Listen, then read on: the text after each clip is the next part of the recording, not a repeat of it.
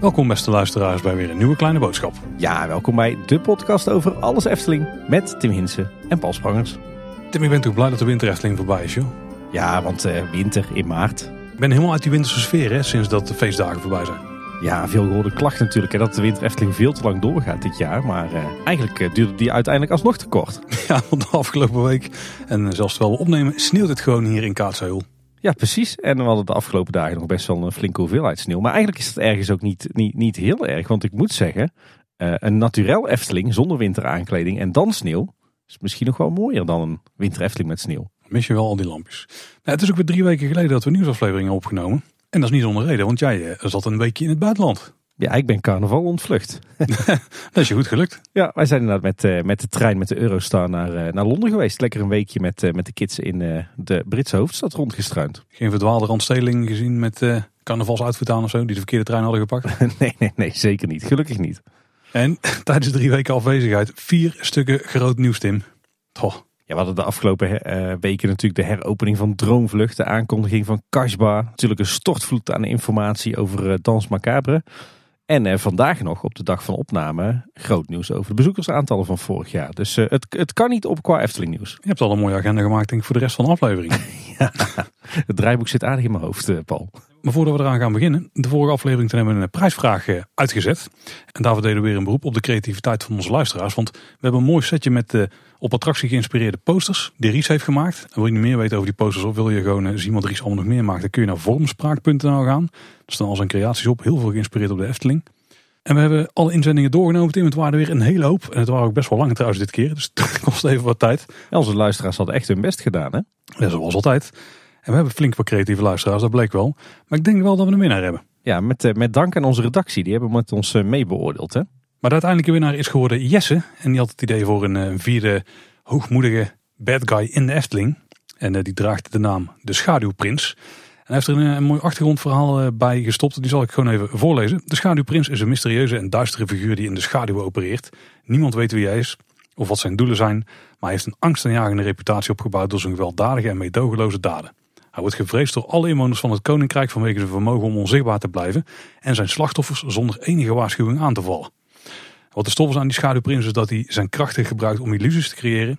En heeft er ook een attractie dus bij bedacht. Dat zou een dark ride kunnen zijn, waarin bezoekers door de duistere wereld van de schaduwprins worden geleid. En die attractie zou vol zitten met booby traps, verrassingen en aanvallen van de schaduwprins, waardoor bezoekers voortdurend op hun hoede moeten zijn. Het zou een spannende en uitdagende attractie zijn die bezoekers de kans geeft om te ervaren hoe het voelt om te vechten tegen een echte slechterik. En ik denk dat er vooral met die illusies en zo best wel tof zou zijn. En dit was wat ons betreft een van de meer originele ideeën die er tussen zat. En uh, daarom heeft Jesse deze posterset gewonnen. Ja, van harte gefeliciteerd. We gaan uh, de drie uh, officieuze attractieposters naar je toesturen. Zeker. En alle andere deelnemers ook enorm bedankt voor jullie input, want er zaten echt wel toffe verhaaltjes tussen. We hebben er echt van genoten, van al die, van al die Eftelingse karakters. Zeker. Dan de follow-up Tim. We gaan eerst eens even kijken naar aflevering 317. Voelt alweer een eeuwigheid geleden. Dat was onze aflevering met het team Erfgoedbeheer. Ja. Toen liepen wij daar door de krochten onder Vogelrok. En toen zagen we allemaal mooie objecten. En toen ging het op een gegeven moment over een figuur met een knuppel. Die er ook stond. Maar die konden we geen van alle thuis brengen. Zelfs Patrick niet. Terwijl hij toch echt de expert is als het gaat om bordjes en ja. beeldjes. Maar we kregen onder andere van Guido Schuitema te horen. Dat is wel een goede audiodescriptie gegeven denk ik Tim. Dat dit mogelijk een Jan Klaassel was.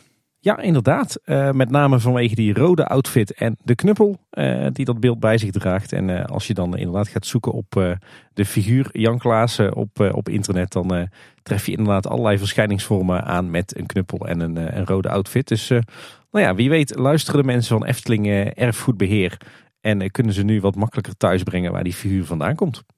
Dat is dan toch de kracht van zo'n groot aantal luisteraars. Hè? Nou Tim, ik kan je nog een paar extra mooie voorbeelden geven ervan. Maar die gaan dan over aflevering 318, de vorige nieuwsaflevering.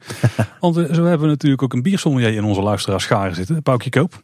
En die bevestigt inderdaad dat de 2023 versie van het verdiende loon ook nog steeds wordt gebouwen door Brouwerij Sint-Crispijn in Waalwijk. Ja, daar hadden wij de vorige keer wat, wat vraagtekens bij, maar dat blijft, blijkt dus dezelfde brouwer nog steeds. Ja, je had het ook over Engelen Tim en dat die wel eens uh, Gerubijnen genoemd zouden worden. En laten wij nu ook, en de meeste mensen zullen wel kennen, een... Uh, godsdienstelijke luisteraar hebben in ons gemidden. Jazeker, dan hebben we het natuurlijk over uh, Sander Kessler, onze, onze luisteraar in, uh, in Oeganda. Ik moet eigenlijk zeggen, vader Sander Kessler. Hè? Zeker. En uh, die schrijft, beste Paul en Tim. Tim die zei over cherubijnen, die geschilderd worden op de kleine zweefmolen, dat het een andere naam is voor een engel, maar dit is niet geheel juist. De engelen hebben een hiërarchische structuur, beginnende met de aartsengelen, waarna het koor der engelen komt, geleid door Serafijn, gevolgd door de cherubijn. En dit zijn engelen die muziek maken, dus niet een ander woord voor engelen, maar een type engel. En in die nieuwe aflevering hadden we het ook over de fakkels, de vuurschaal en de gaslampen die het is af en toe weer aanstaan, maar dat blijkt een interne miscommunicatie te zijn. Want ze horen eigenlijk gewoon uit te staan, dat bevestigt een woordvoerder tegen Loopings. En ze zeggen ook, we gaan ermee aan de slag. Er loopt een project om te kijken naar een alternatief. Oh jee, het zal toch niet zo zijn dat uh, alle gasfakkels uh, definitief uit de Efteling verdwijnen? Hoe dat er van die flapperende papiertjes voor terugkomen. Ja, precies. misschien dat het dan maar gewoon beter is om ze gewoon überhaupt uit te laten staan, toch? Ja, of ze doen er misschien glas omheen en dan zo'n uh, led flikkerend lampje erin. Oh ja, die zijn eigenlijk die zijn wel heel fraai. Ja. Die zitten onder meer bij de Zes Zwanen natuurlijk. En ja. daar komt het wel mooi uit de En bij de wereld van Simbad, hè? Ja, ook goed voor de stikstofuitstoot ja. natuurlijk. Hè? Ja. En we kregen in de vorige aflevering ook nog een vraag van hoe het nou zat bij de pagode. Want daar moesten heel veel mensen dus wachten voor de opstopperronnetjes. Maar juist in de wachtrij, dus voordat je door het draaipoortje moest. En er blijkt inderdaad iets mis te zijn met de poortjes die aan het eiland staan. Dus die open gaan voordat je het eiland op mag stappen. Dus dat is de reden dat je daar nu moet wachten. Ja, volgens mij zijn die nu tijdelijk vastgezet met tie rips. Ik kan me voorstellen dat als die niet helemaal goed verankerd zijn en je staat daar te wachten tot de tempel helemaal naar beneden is, dat je zomaar het gat in kan vallen. Dus ik kan me voorstellen dat de Efteling er uh, tijdelijk voor kiest om iedereen uh, achter het tourniquet te houden zolang de pagode nog in de lucht is. En dan hoofdonderwerpen Tim en dan beginnen we met de heropening van Droomvlucht op 4 maart. Eindelijk. En dit was een feestje Tim. Absoluut. Ja, want we zijn beide inmiddels bij Droomvlucht geweest. Ja, allebei in het openingsweekend eigenlijk. Hè? Ik was een van de eerste zelfs. Met een hoop mede-Efteling liefhebbers. Want het was vrij druk bij de poorten richting richting het uh, Marenrijk was het, uh, was het gewoon druk. Ja. Flinke bubs mensen te wachten die daar graag naartoe ging. Mag ook wel, hè, na vier maanden zonder droomvlucht. Wij, wij konden zelf die zaterdag niet, wij hadden al een afspraak staan. Maar uh, ja, toen was er op de zondag natuurlijk geen andere optie denkbaar dan dat ook wij s ochtends vroeg naar droomvlucht zijn gegaan. Ja, en de attractie ligt er weer enorm goed bij. Echt een hernieuwde droomvlucht hebben we teruggekregen. Ja, wat mij betreft heeft droomvlucht nu eindelijk echt een tweede leven gekregen. Het is echt zo'n upgrade waardoor het weer decennia vooruit zou kunnen wat mij betreft. Ja, we hoorden natuurlijk de afgelopen jaren heel vaak liefhebbers roepen van ja, droomvlucht is langzaam maar zeker wel een beetje uit de tijd en sleets aan het worden. En kan dat nog goed komen of is het thema gewoon een beetje, beetje verjaagd? Hè? Uh, nou, ik denk dat uh, na deze opknapbeurt dat uh, die kritiek wel verstomt. Ik denk dat je het best wel goed kunt vergelijken met de, de Python retrack die ze jaren geleden hebben gedaan. Het is zo'nzelfde mate van aandacht die ze eigenlijk heel de attractie hebben gegeven. Ja, absoluut. Blijkt ook wel uit, uit de kosten. Ik geloof dat deze onderhoudsklus maar liefst 6 miljoen euro gekost heeft. Dat is meer dan wat de Python toen heeft gekost. Die herbouw. Daar bouwt denk ik menig ander attractiepark in onze regio gewoon een uh, volledig nieuwe attractie voor. Ja, dat denk ik ook ja. En dan te bedenken dat de Efteling hier eigenlijk marketingtechnisch natuurlijk bijna uh, niks uitsleept uit die 6 miljoen. Hè? Nou ja, ze hebben wel wat aandacht gekregen. Maar misschien moeten we eerst gaan kijken wat er allemaal is gebeurd. Want het begint natuurlijk allemaal bij de baan. Ook die is hier flink aangepakt. Want er zijn natuurlijk thuis, de vorige aflevering hebben we uitgelegd wat die dan precies zijn. Er zijn er dus 260 in uh, Droomvlucht van vervangen. Dat zullen ze bijna allemaal zijn, gok ik. Ja. Maar die nieuwe die zijn niet op dezelfde plek gelast als de oude. Dus eerst zijn die nieuwe ertussen gelast en daarna zijn de oude verwijderd. Best wel een slimme manier om aan te pakken. Ja, want zodoende konden ze eigenlijk de baan gewoon uh, laten hangen. En hadden ze niet allerlei tijdelijke ondersteuningsconstructies nodig. Uh, dus ze zijn eigenlijk allemaal net een stukje versprongen, zeg maar, qua positie.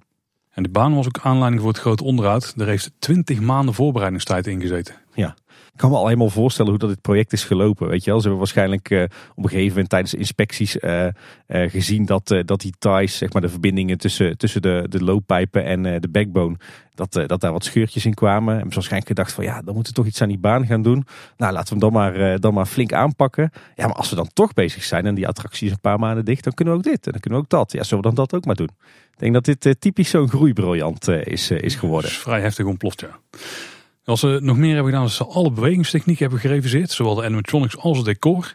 Het lijkt wel flink meer te bewegen en soepeler te zijn. En volgens mij is het ook stiller op heel veel punten. Ja, absoluut. Viel me inderdaad op dat heel veel figuren in de attractie nu weer, uh, weer wat, uh, wat uitbundiger bewegen. Maar ook bijvoorbeeld de kastelen in Kastelenrijk. En de figuren en de dieren die zijn ook voorzien van nieuwe kleding, beharing, vacht, manen en veren. Afhankelijk van welk figuur het betreft natuurlijk. Ja. En er zijn ook een hoop extra details aangebracht op kleding het valt op dat er best wel veel bloemetjes op de kleding zitten. Ja, misschien wel de grootste kledingaanpassing die we hebben gespot. Is dat Oberon zijn tweede slipper heeft gevonden. Ja, ik vond het een hele verrassende aanpassing. Want ja, dit was toch wel vanaf het, eh, het allereerste begin van Droomvlucht echt een easter egg, toch? Ja, het, het was een beetje zo'n cultstatus, hè, die, ene slipper die die maar had. Ja, ja, want ze hebben ooit bij de bouw dus besloten om maar één slipper aan te doen. Omdat eh, de voeten zo prachtig gedetailleerd waren van Oberon. En dat ze dat graag wilden laten zien. En blijkbaar nu zo'n 35 jaar later eh, hebben ze gezegd, doe er maar gewoon twee slippers aan. En we hebben deze vraag dus gesteld aan iemand die het kan weten. In een aflevering die nog uit moet komen.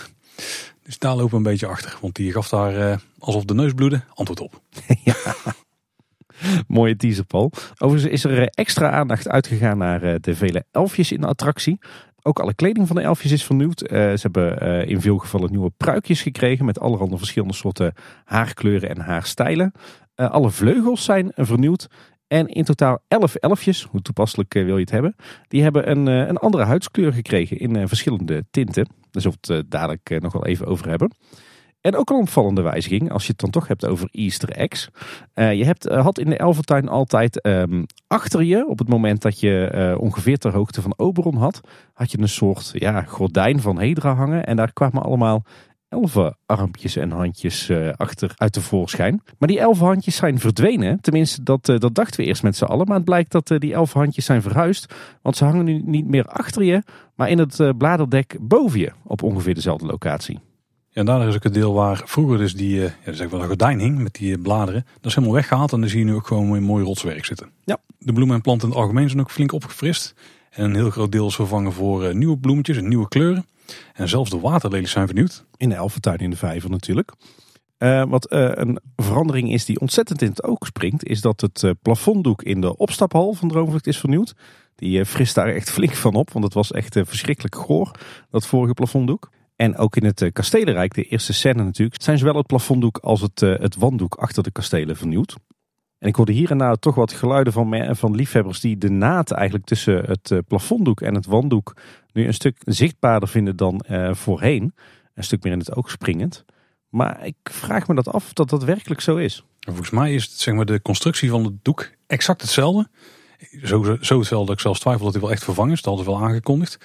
Het is misschien het licht of zo waardoor het beter zichtbaar is. Ja, volgens mij geeft het ledlicht net wat strakkere schaduwen ook, toch? Ja, ligt misschien aan het type licht. Maar ik vind het hier vooral zonder dat ze het niet hebben vervangen door een andere vorm doek. Want het is echt gewoon, ja, het is gewoon nog steeds een rechte hoek met zo'n hele gekke overloop tussen die twee doeken of ja. zo.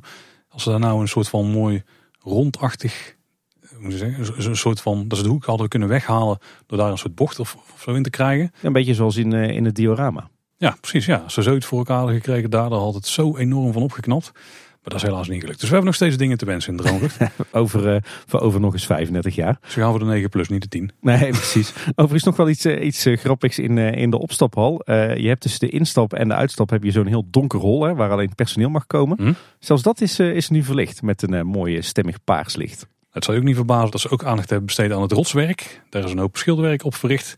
Of delen zijn ook opgeknapt. En je hebt aan het einde bij de, de uitwaai heb je ook die mistput. Daar ligt de kunstgras in vertaan. Dat was een beetje zo'n, uh, ja wat was het eigenlijk? Ja, een beetje een viezige, viezige kelder eigenlijk. Hè? Of viezige bak eigenlijk waar je in keek. Ja, een beetje boomschor of zo lag Ja, erin voorheen. ja, Echt zo'n heel vierkant uitgesneden ding.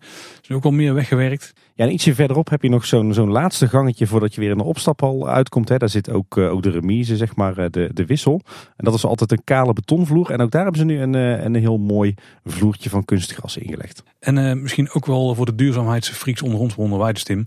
Een hoop van de oude halogeenlampen die zijn vervangen. 543 stuks door ledlampen.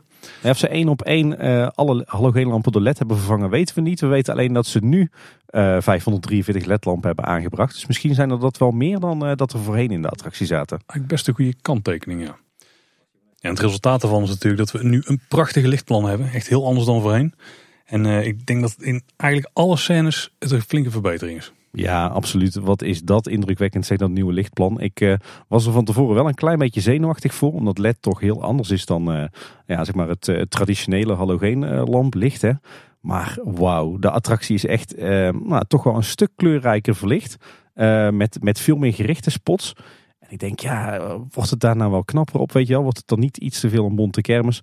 Maar het is echt fantastisch geworden. De attractie knapt er zo ontzettend van op. Dat zal ook wel helpen in de zomer, denk ik. Want het is een stuk minder warm in de attractie. Ja, dat merkt je nu al, ja.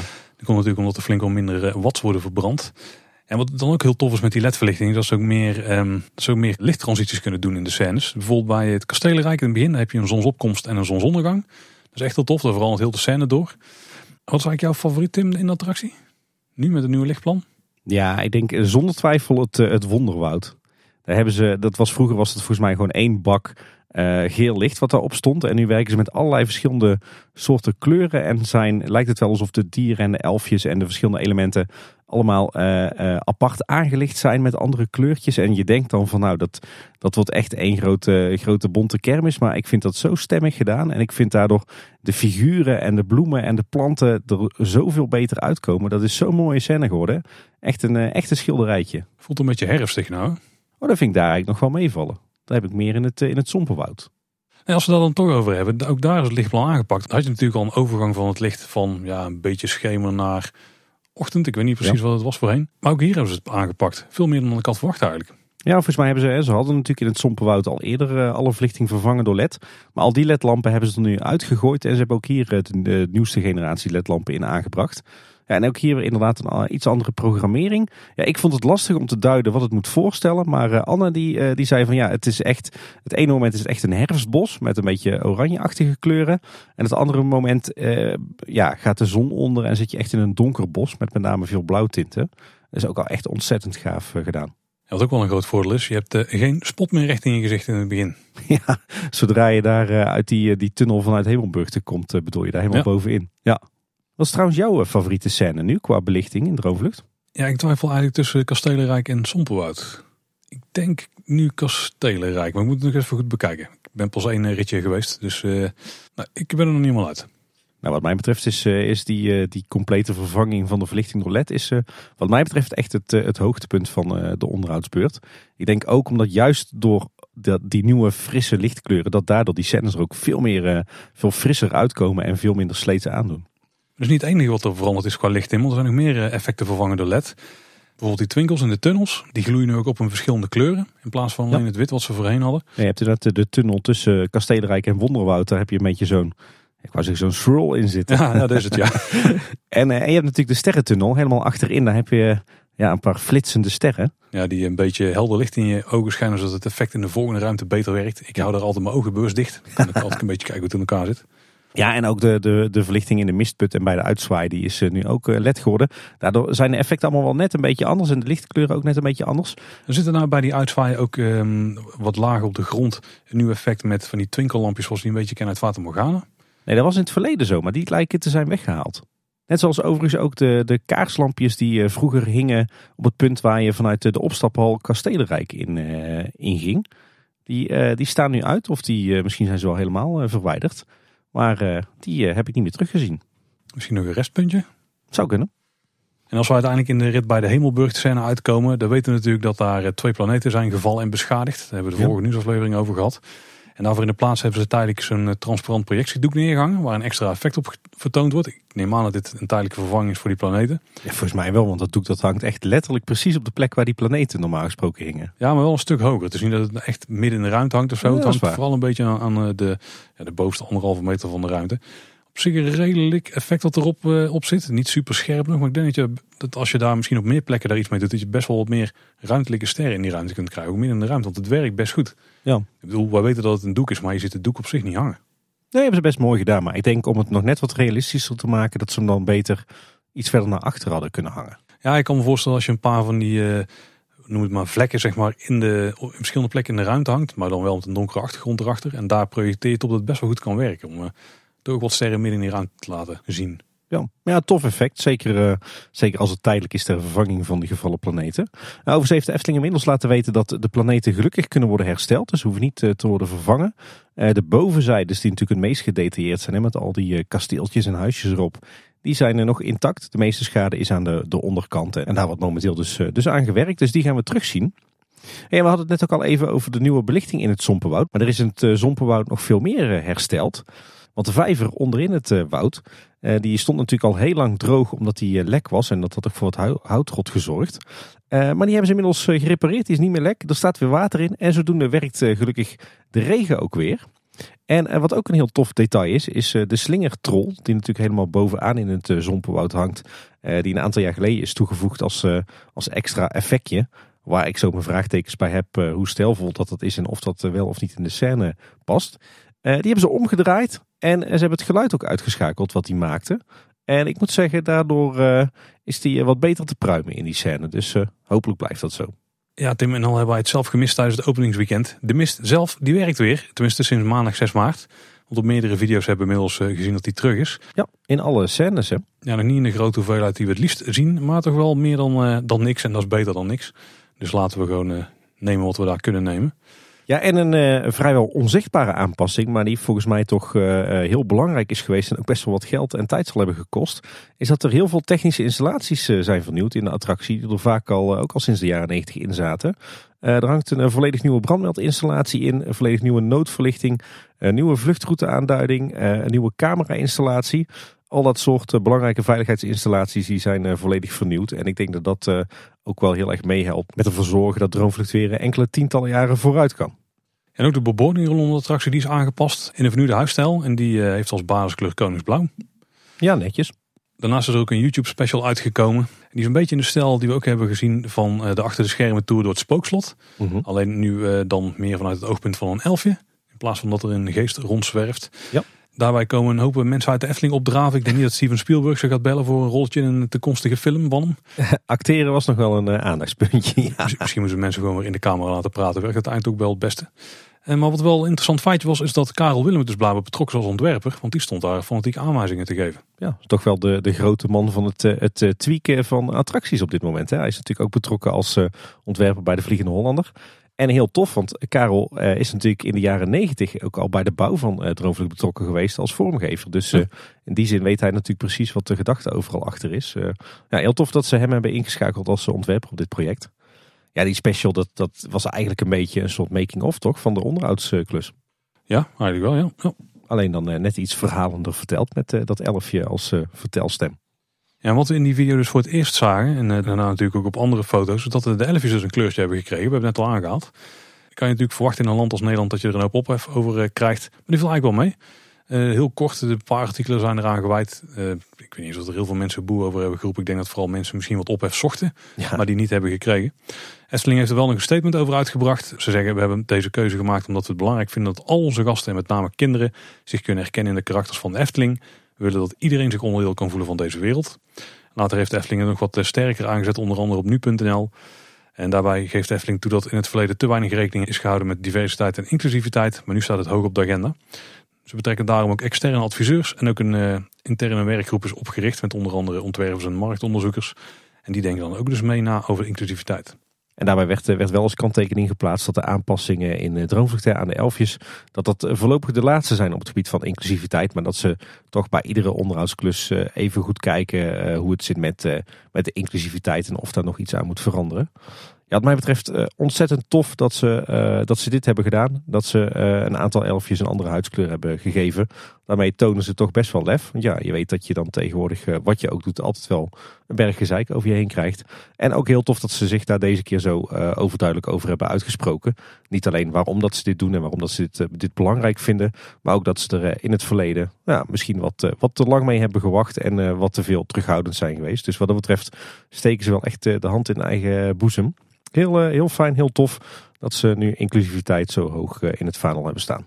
Ja, dikke vette prima. En vooral heel goed dat ze dit proactief hebben gedaan. Want voor zover ik me kan herinneren is er nooit ophef geweest over de elfjes in de droomvlucht. Chapeau. Nee, dat gaf de Efteling ook zelf aan naar aanleiding van vragen. Ze hebben eigenlijk nooit klachten gehad over, over de elfjes.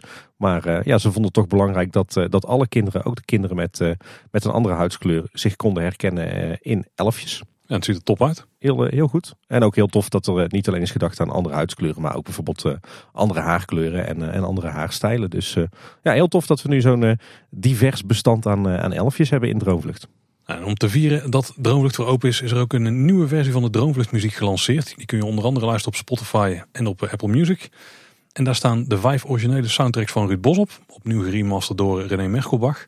Misschien ook te horen in de attractie. Ik gok dat daar de reden is van de remaster en de originele muziek voor het eerst van de Sterrentunnel. Heel gaaf. Gaat dat luisteren, gaat dat luisteren. Dus al met al, ik denk dat dit echt een, eh, een ontzettend goede opknapbeurt is geweest voor Droomvlucht. Hè? De beste versie van Droomvlucht tot nu toe. Ja, de attractie eh, is weer echt toekomstbestendig en uh, kan er weer tientallen jaren tegenaan. En dan eindelijk uitsluitsel Tim over wat er gaat gebeuren met restaurant Panorama. Ja. Want de naam gaat wederom veranderen. Het was weer tijd voor, het is weer een paar jaar geleden. Want restaurant Panorama wordt Kashba. Kijk. En dat weten we omdat de nieuwe naam en de ontwerpen van de binnen- en buitenzijde zijn gepubliceerd. En uh, we waren hier uh, vrij sceptisch over. uh, er is al een enig puntje scepticisme, om het zo maar te noemen. Skepsisme. Skep, skep, Skepsis. Skepsis, ja. Maar dit ziet er toch wel verdraaid goed uit. Ja, inderdaad. dit werd overigens aangekondigd in een heuse making-of. Waarbij ze een beetje terugpakten op de making-of van Sirocco. Hè? Want het was ineens deel 4 van de making-of van de wereld van Simbad. Uh, waarmee ze natuurlijk benadrukte dat dit, uh, dit ook onderdeel is van, dat, uh, dat, van die totale gebiedsontwikkeling. maar eerst nog even over die naam, Kasbah. We hebben even opgezocht wat het, wat het betekent. Maar volgens Wikipedia is een kasbah of een kasbah het verdedigbare deel van een medina. Het gebouw kenmerkt zich door hoge muren. Bijna iedere nederzetting in Marokko en Algerije heeft haar eigen kasbah. Vroeger werd die gebruikt als het woning voor het dorpshoofd. Dus ik denk een, een hele plausibele naam als je kijkt naar het, het uiterlijk van het restaurant. Ja, volgens de Clash kun je die ook rocken. dat zeker. En uh, Tim, volgens mij heb jij die geopperd vorige keer als een potentiële naam voor het restaurant. Dus uh, goed geraden. ja, dat zonder, uh, zonder enige voorkennis. Nou, de Kasbah wordt in het verhaal van de wereld van Simbad in ieder geval de thuishaven. Waar Simbad dus regelmatig terugkeert en bijkomt van zijn zeereizen. En daar kunnen we de verkregen handelswaren nuttigen in het restaurant. Ja, en het, het restaurant wat dus op de begane grond volledig wordt uitgebaat door Laplace krijgt eigenlijk drie thema's. Uh, een gedeelte wordt een bedrijvige markt. We krijgen een gedeelte wat doet denken aan een mystieke oase. En een kleurrijke nomadentent. Is natuurlijk wel slim. Zo'n markt is natuurlijk de perfecte thematisering voor het... Uh, ja, voor het free flow gedeelte eigenlijk. Ja, ja, waar je dus alle gerechten kunt afhalen. Ja. En er komt aan de buitenkant dus over het terras ook zo'n stretch tent te staan. Een beetje zo'n nomadentent. En aan de binnenkant trekken ze die lijn een beetje door, dus in de serre ja, op die manier verbinden ze eigenlijk binnen en buiten in hetzelfde thema. Hè? En doordat ze dus al die doeken op gaan hangen, wordt ook meteen die lelijke serre van het café-restaurant aan het oog onttrokken. Dat is op zich wel heel slim. En het is toch een beetje table service. Want als je in die normale tent dan gaat zitten, dan bestel je eten online. En die bestelling wordt je toegebracht vanuit de, de, nieuwe kiosk, de Nomade, die aan de buitenkant dus zit. Waarschijnlijk op de ongeveer dezelfde plek waar de kiosk voorheen stond. Die komt aan de zijde van de, de siervijver dus. En die biedt ook de mogelijkheid om gewoon een drankje voor lekker naai aan de buitenzijde te bestellen. Die je to go kunt meenemen. Ja, en ik vermoed dat dan het, het gedeelte wat voorheen Panorama Self-Service was, en waar nu Laplace al in zit, dat dat dan hetzelfde concept blijft. En dit vond ik wel opzienbarend, Tim. Het hele complex gaat 700 zitplaatsen bieden. 700. Dat is echt een hoop. Ja. ja. En uh, er is ook meer bekendgemaakt over het, uh, het toekomstige assortiment. Uh, het blijft de herkenbare formule van Laplace. Nou, dat zijn dus de gerechten die we allemaal al, al kennen van alle Laplace restaurants. Maar die worden aangevuld met de smaken van de Oriënt. En daarbij wordt als voorbeeld genoemd onder meer een Oosterse linzensoep en een couscous salade. Oeh, ik hoop nog wel op meer dan dat, maar het begin is er in ieder geval. Couscous is altijd goed. De opening die zou in april zijn, zoals al eerder gecommuniceerd. En ja, laat dit maar komen, want uh, dit ziet er interessant uit. En dat blijkt wel op de tekeningen. En die, die hebben we eigenlijk in meerdere stijlen gezien. Want we hebben tekeningen gezien die volgens mij door de Efteling zelf zijn gemaakt. Ja. Ik denk gewoon door Sander. Die stelt, of die hand, die herkennen we er wel in. Zeker. Maar dan ook wat visualisaties gedaan door, uh, volgens mij Jora Vision. Specifiek ja. in opdracht van formaat. Ja, en dat is meer een, een wat vlottere tekenstijl eigenlijk. Hè? Volgens mij heeft hij in een computer een beetje, het is bijna een soort moodboard of zo van, uh, van hoe alles uit moet komen zien. Ja, een hele andere stijl dan dat we normaal gesproken gewend zijn van uh, Efteling ontwerpen. Maar goed, wat natuurlijk vooral belangrijk is en interessant is, wat is er dan te zien op die tekeningen? Um, als we dan kijken naar de buitenkant, dan gaan de gevels er inderdaad ongeveer zo uitzien zoals we eerder al op de nieuwe parkplattegrond zagen. Interessant daarbij nog is dat uh, de kantelen en de kolommetjes met een soort uiendakjes, dat die eigenlijk naadloos aansluiten op de stijl van de buitengevels van Vogelrok. Hè. Die zijn ook al zo gestuukt met, met al die Oosterse elementen erop. Nou, dat, dat, datzelfde steltje zetten ze dus door in de buitengevel van, van. En het viel me op dat die nomadentent, ondanks het feit dat het waarschijnlijk gewoon een stretchtent uit het boekje is, dat die wel heel erg vrij gedetailleerd wordt afgewerkt. Een mooie donkerrode kleur. Maar met heel veel gouden ornamenten en biesjes en ook mooie pironnetjes op de plekken waar de ondersteunende palen komen te staan. Dus dat werk is ontzettend fraai af. Je hebt natuurlijk ook helemaal achter in het restaurant die verrode zithoek. was vroeger Café Havenzicht. Die wordt ingericht als een Oosters marktje met echt super chique vloertegels in Oosterse stijl. ook met Oosterse lampen en een plafond met rietmatten. En alles wordt dan ook voorzien van Oosters meubilair en beplanting. Dat deed me een klein beetje denken aan de bedelaarscène uit de Fata Morgana. Ja, inderdaad ja. ja. En de voormalige serre die wordt dus ook aangekleed met de doeken aan het plafond. Om het een beetje te betrekken bij het buitengebied. Met de Oosterse lampen, Oosterse tapijt op de vloer. Echte persen hè? Ja zeker. Niet te veel knoeien daar, want dan worden ze niet blij denk ik. Ook een, een, een nieuw verfje op de muur, een beetje lichtbruin.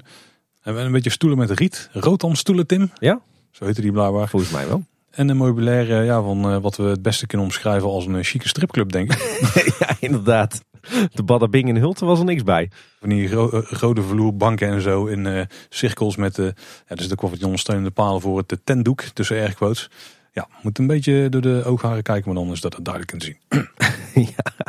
En we zagen ook nog een eh, mooie collage van eh, volgens mij ook Sander de Bruin, zoals hij die eerder ook heeft gemaakt voor fase 1 eh, van de wereld van Simbad. Met erop allerhande eh, elementen die we wellicht terug gaan zien in. Eh, nou, wat komt erop langs? Onder meer twee vogels, ik denk zwarte raven. Heel benieuwd of dat we die gaan terugzien als, als beeldjes of als, misschien wel als animatronics. Ehm, heel veel eh, donkerbruin houtwerk met allerlei eh, Oosterse elementen en ornamentiek erin. Dus waarschijnlijk eh, de aankleding van, van, van deuren en ramen in het, in het restaurant. En op die manier zijn ook de verschillende uitgiftebalies uitgewerkt. Ehm, en wat ik een heel mooi element vond, is ja, een soort fonteintje met een heel mooi afdakje. Wat me heel erg doet denken aan eh, dat, is dat fonteintje wat we vinden bij eh, de toiletten aan het Fata Morgana plein. Ja, zeker. En die komt dus in de centrale hal te staan, dus bij de trap naar eh, de toiletten toe. Nee, echt een heel gaaf thematisch element. Heel Ja, mooi. Zeker. En als we dan gaan kijken naar de stand van zaken, ja, ze zijn gewoon flink bezig. De voor- en zijgevel die staat er grotendeels in de stijger. Daar zijn ze dus die wanden aan het maken, want er komen eigenlijk een soort eh, voorzetwanden. Een soort houten constructie eh, komt daar. Of die zit er al voor een groot deel. En daar gaan ze dan, ik hoop dus met stukwerk of zo, of, eh, dat zou het allermooist zijn, een, een wand maken. Maar ja, het zou natuurlijk ook kunnen dat ze daar andere methodes voor gebruiken. Ja, wat hier natuurlijk vooral belangrijk is, eh, is dat ze hier te maken hebben met gewichtsbeperkingen. Je hebt natuurlijk de, de bestaande gevels van het café-restaurant, de bestaande fundering. En eh, daar kan je niet zomaar allerlei gewicht aan gaan hangen. Het mooiste was natuurlijk geweest als ze die, eh, die Oosterse gevels gewoon zouden kunnen opmetselen van, van bakstenen. En een stukwerk tegenaan zouden kwakken. Maar dat is natuurlijk veel te zwaar voor dat, dat, dat oude gebouw. Dus ja, ik vermoed dat we hier een soort houten achterconstructie krijgen waar ze stukwerk op aanbrengen. Eh, een techniek die bijvoorbeeld Joravision wel, wel vaker gebruikt en die je ook veel eh, in filmstudio's ziet. Met als belangrijkste verschil natuurlijk dat het hier wel buiten wordt, eh, wordt toegepast. Dus ik ben heel erg benieuwd wat dat gaat doen voor, nou niet zozeer voor de uitstraling, want het ziet er altijd wel vrij uit. Maar met name voor de, voor de levensduur, hoe het er een, na een paar jaar uit gaat zien. Dat is natuurlijk wel zo het, het grootste deel van de Oosterse sfeer die komt aan de kant van de wereld van Simbad. Dus de kant richting de Siervijver en richting Kleuterhof. Die zal gewoon een beetje in de stijl blijven die het was. Er wordt wel wat geschilderd volgens mij. Er wordt onder andere de zijgevel bij het dakterras lichtbruin gesausd. Een beetje die zandkleur die we op, eh, op meer plekken terug zien komen eh, in en rond eh, het café-restaurant. Want ook die, die houten pergola die tegen de serre aanstaat aan, eh, aan de zijkant, hè, aan de kant van, de, van Kleuterhof. die is blijven staan en die wordt ook lichtbruin geverfd. En het lijkt erop, want ze, ze verven niet alles lichtbruin, maar dat er ook nog wat extra ornamentiek op wordt aangebracht om het een beetje een Oosterse uitstraling te geven. En in wat andere uitingen van de Efteling hebben we ook gezien dat er eh, ja, Tim, een heel leger pironnetjes al klaar staat op het dakterras. Die geplaatst moet worden. Misschien staan ze zelfs inmiddels al op tegen de tijd dat je dit eh, hoort. En dat er eh, heel veel Oosterse wand- en vloertegelwerk klaar ligt en, en wordt geplaatst. Ja, heel mooi wat we er tot nu toe van zien. Ja, ik, ik, vind, ik vind wat, alles wat we tot nu toe van zien is inderdaad een enorm positieve verrassing. Het enige waar ik dan vraagtekens bij zet is gewoon de duurzaamheid van alles wat ze gaan maken. En of dat het misschien de eerste maanden top uitziet. Maar ja, als je dan zeg maar een houten constructie hebt waar eventueel op gestuukt wordt of zo. Als daar wat, als daar wat gaat werken, dan gaat er misschien allemaal scheuren op plekken waar je niet wil. Misschien zelfs afbrokkelen. Dat we de houten plaat op een gegeven moment erin zien. Daar ben ik een beetje bang voor. Ja. Ik ben benieuwd hoe ze dat gaan oplossen. Ja, de Efteling die roept altijd wij, wij bouwen voor de eeuwigheid met, eh, met authentieke technieken en echte materialen.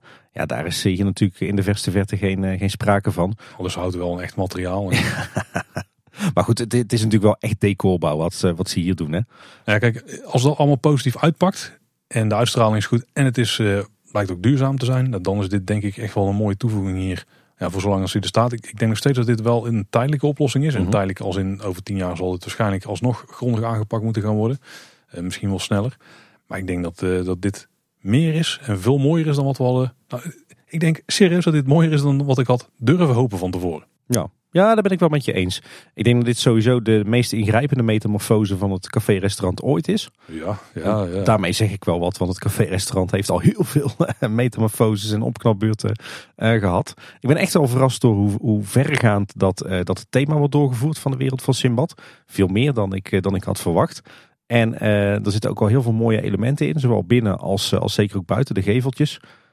Ook al wat zaken waar ik dan toch wat meer uh, vraagtekens bij zet. Hè. Dat meubilair wat we, wat we dan zien in het, het voormalige bediende restaurant en, en wat doeken aan het plafond. Dus af en toe dat je denkt van... Hmm, beetje voor de hand liggend. Maar goed, het totaalplaatje ziet er wel ontzettend oosters uit. En zeker de tekeningen van Sander, die, die doen ook wel heel erg Eftelings aan.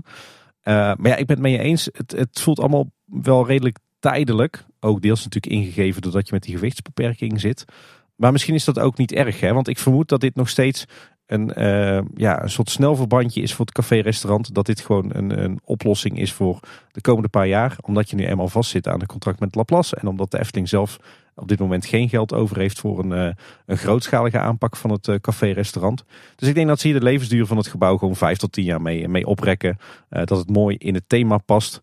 Ja, en daarna eh, kan er nog steeds een hoop gaan gebeuren met het café-restaurant. Ehm, enerzijds omdat het allemaal wat tijdelijker is, kan je denk ik ook makkelijker besluiten om het uh, over tien jaar het gebouw alsnog te slopen en een volledig nieuw restaurant uh, neer te zetten.